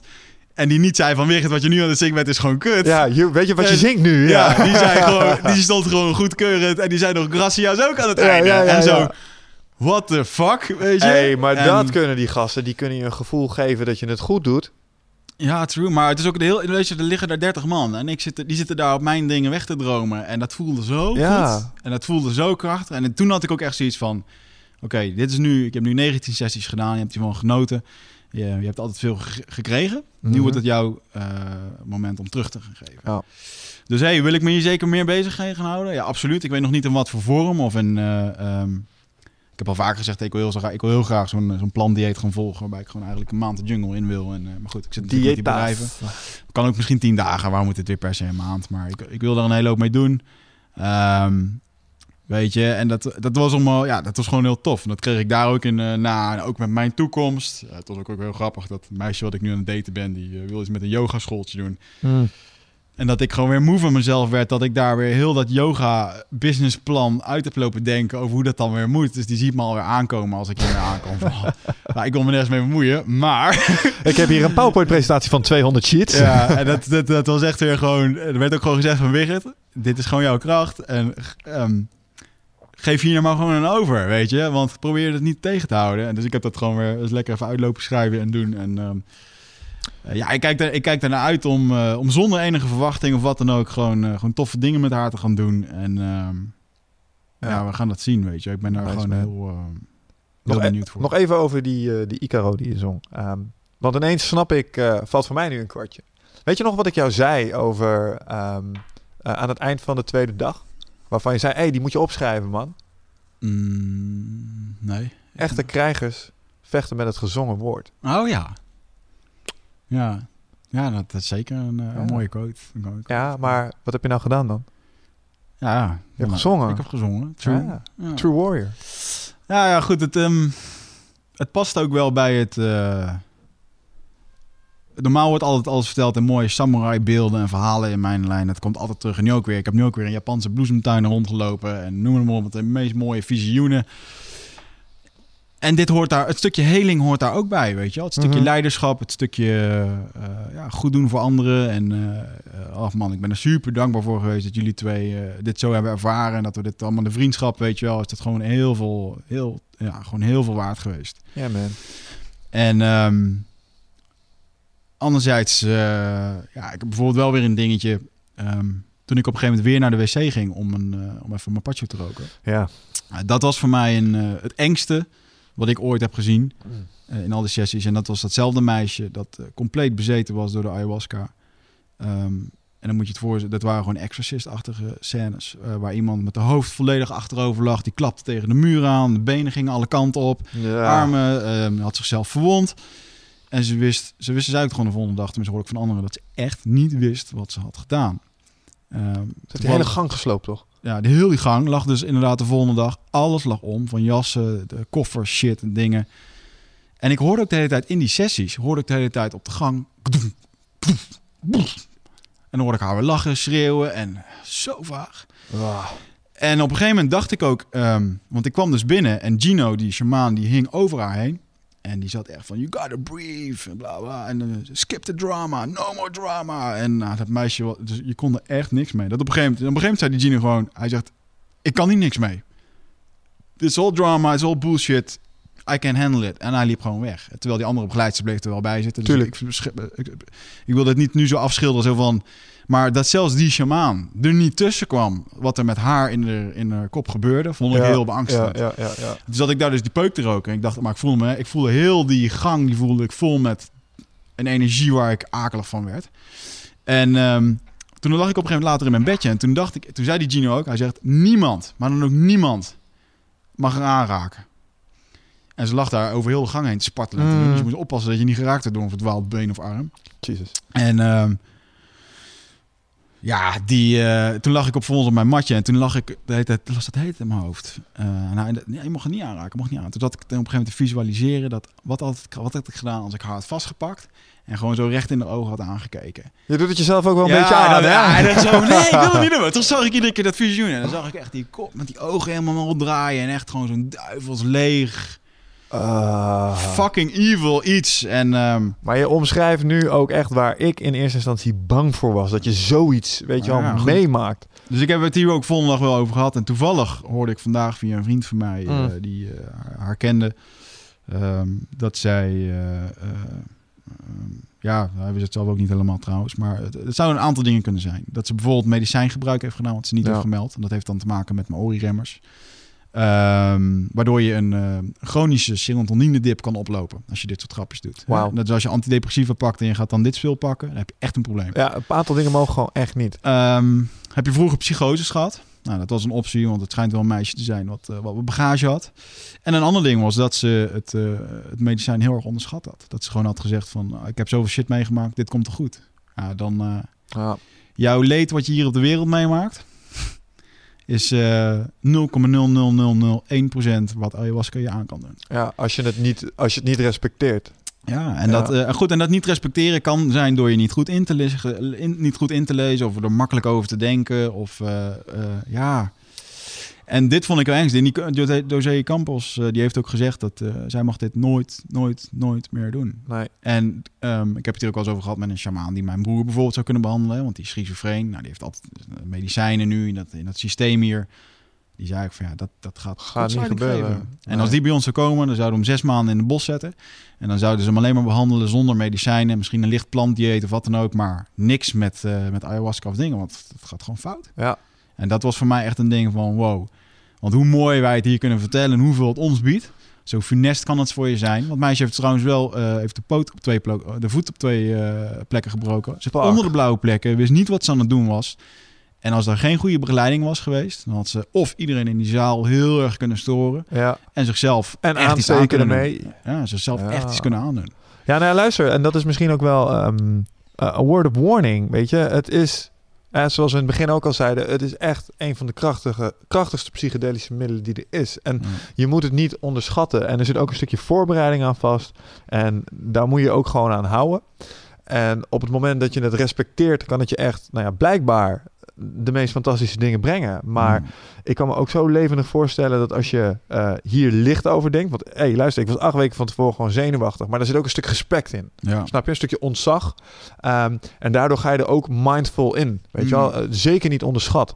Ehm, maar doe je dat wel? Oeh. Ja, ik kan me nu, ik kan me nu levendig voorstellen dat als jij eh, volledig overweldigd wordt door wat er zeg maar kan gebeuren. Mm. Ja, ik kan me echt wel voorstellen dat je dan paniek raakt. Ja, zeker. Maar goed, ik ben eh, alsnog blij geweest dat ik die derde dag ben gebleven. Want anders was ik echt met een rotgevoel naar huis gegaan. En, ehm, Ja. maar ik moet wel zeggen, de, de shell shock die ik deze week heb ervaren... Die, heb ik alleen, eh, die kan ik alleen terughalen van mijn eerste sessie... waarbij ik echt drie weken ondersteboven was. Ehm, dus daarom is in mijn boekje eh José Campos... een van de beste die ik heb meegemaakt. Ja.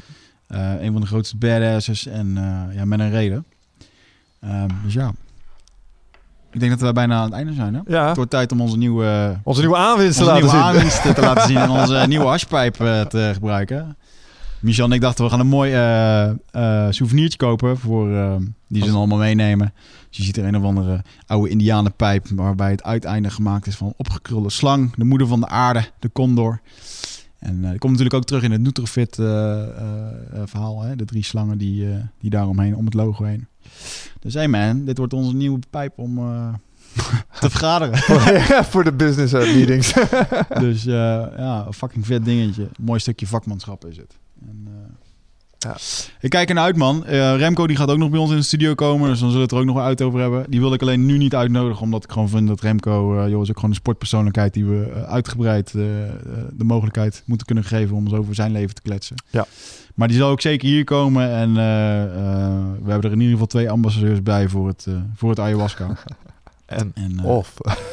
Hey man, het is voor mij fucking veel waard geweest dat jullie mee zijn gegaan. En eh, voor de vriendschap is het, eh, is het goud geweest. Man, het was echt fantastisch. En ja, ik heb het eerder gezegd, maar ik ben en blijf je zo ongelooflijk dankbaar voor het feit dat je me hier gewoon de schop onder de kont hebt gegeven die ik gewoon nodig had. Want ik vind mezelf altijd een hele flinke vent, maar ik heb me echt lang niet zo klein gevoeld als daar. En dat was echt wat ik even nodig had. Ja, ja, ja. Ah, dapper dat je bent gegaan, jongen. Dus ehm, Thanks man. Voor eh, onze luisteraars, ehm, we worden gesponsord door Nutrofit. ehm, waar je al je supplementen kan halen. We hebben echt eh, goede nootropica waarbij je een keer wat scherper kan zijn. En waarbij je eh, beter kan presteren op je werk. Gebruik de kortingscode eindbazen op nutrofit.nl. Eh, we hebben een money back guarantee. Vind je niks, stuur je terug, krijg je geld terug. Zo simpel als dat ik het nu zeg. Zo simpel is het ook. En daarnaast mag je even kijken op easier.com. Waarbij je als je een bedrijf hebt of een merk en je wil social media laten zien eh, op jouw website, wat er over jou wordt verteld. En dan kan je mooie plaatjes daar neerzetten van Instagram en dat soort dingen. Eh, over bepaalde hashtags opvangen. Dan kun je dat daarin kwijt en eh, kun je dat tonen op websites en op displays. Easier.com en uh, Nutrifit.nl. En dit was een fucking vette podcast. Ik vond hem echt dope. Alright, thanks iedereen.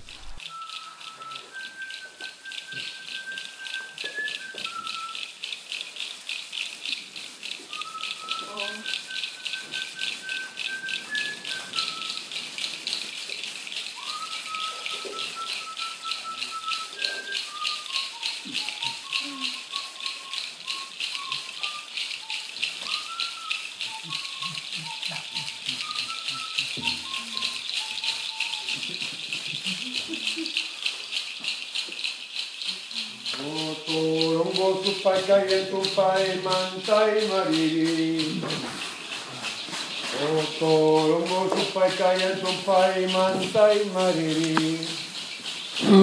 O torongo supai kayan tumpai mantai mariri. Torongo supai kayan tumpai mantai mariri. Mariri, mariri, mariri, mariri, mariri, mariri. Aya waka supai kayan tumpai mantai mariri. Aya wakas supay kayan tumpay mantay mariri. Aya wakas supay kayan tumpay mantay mariri. Aya wakas supay kayan tumpay mantay mariri mariri mariri.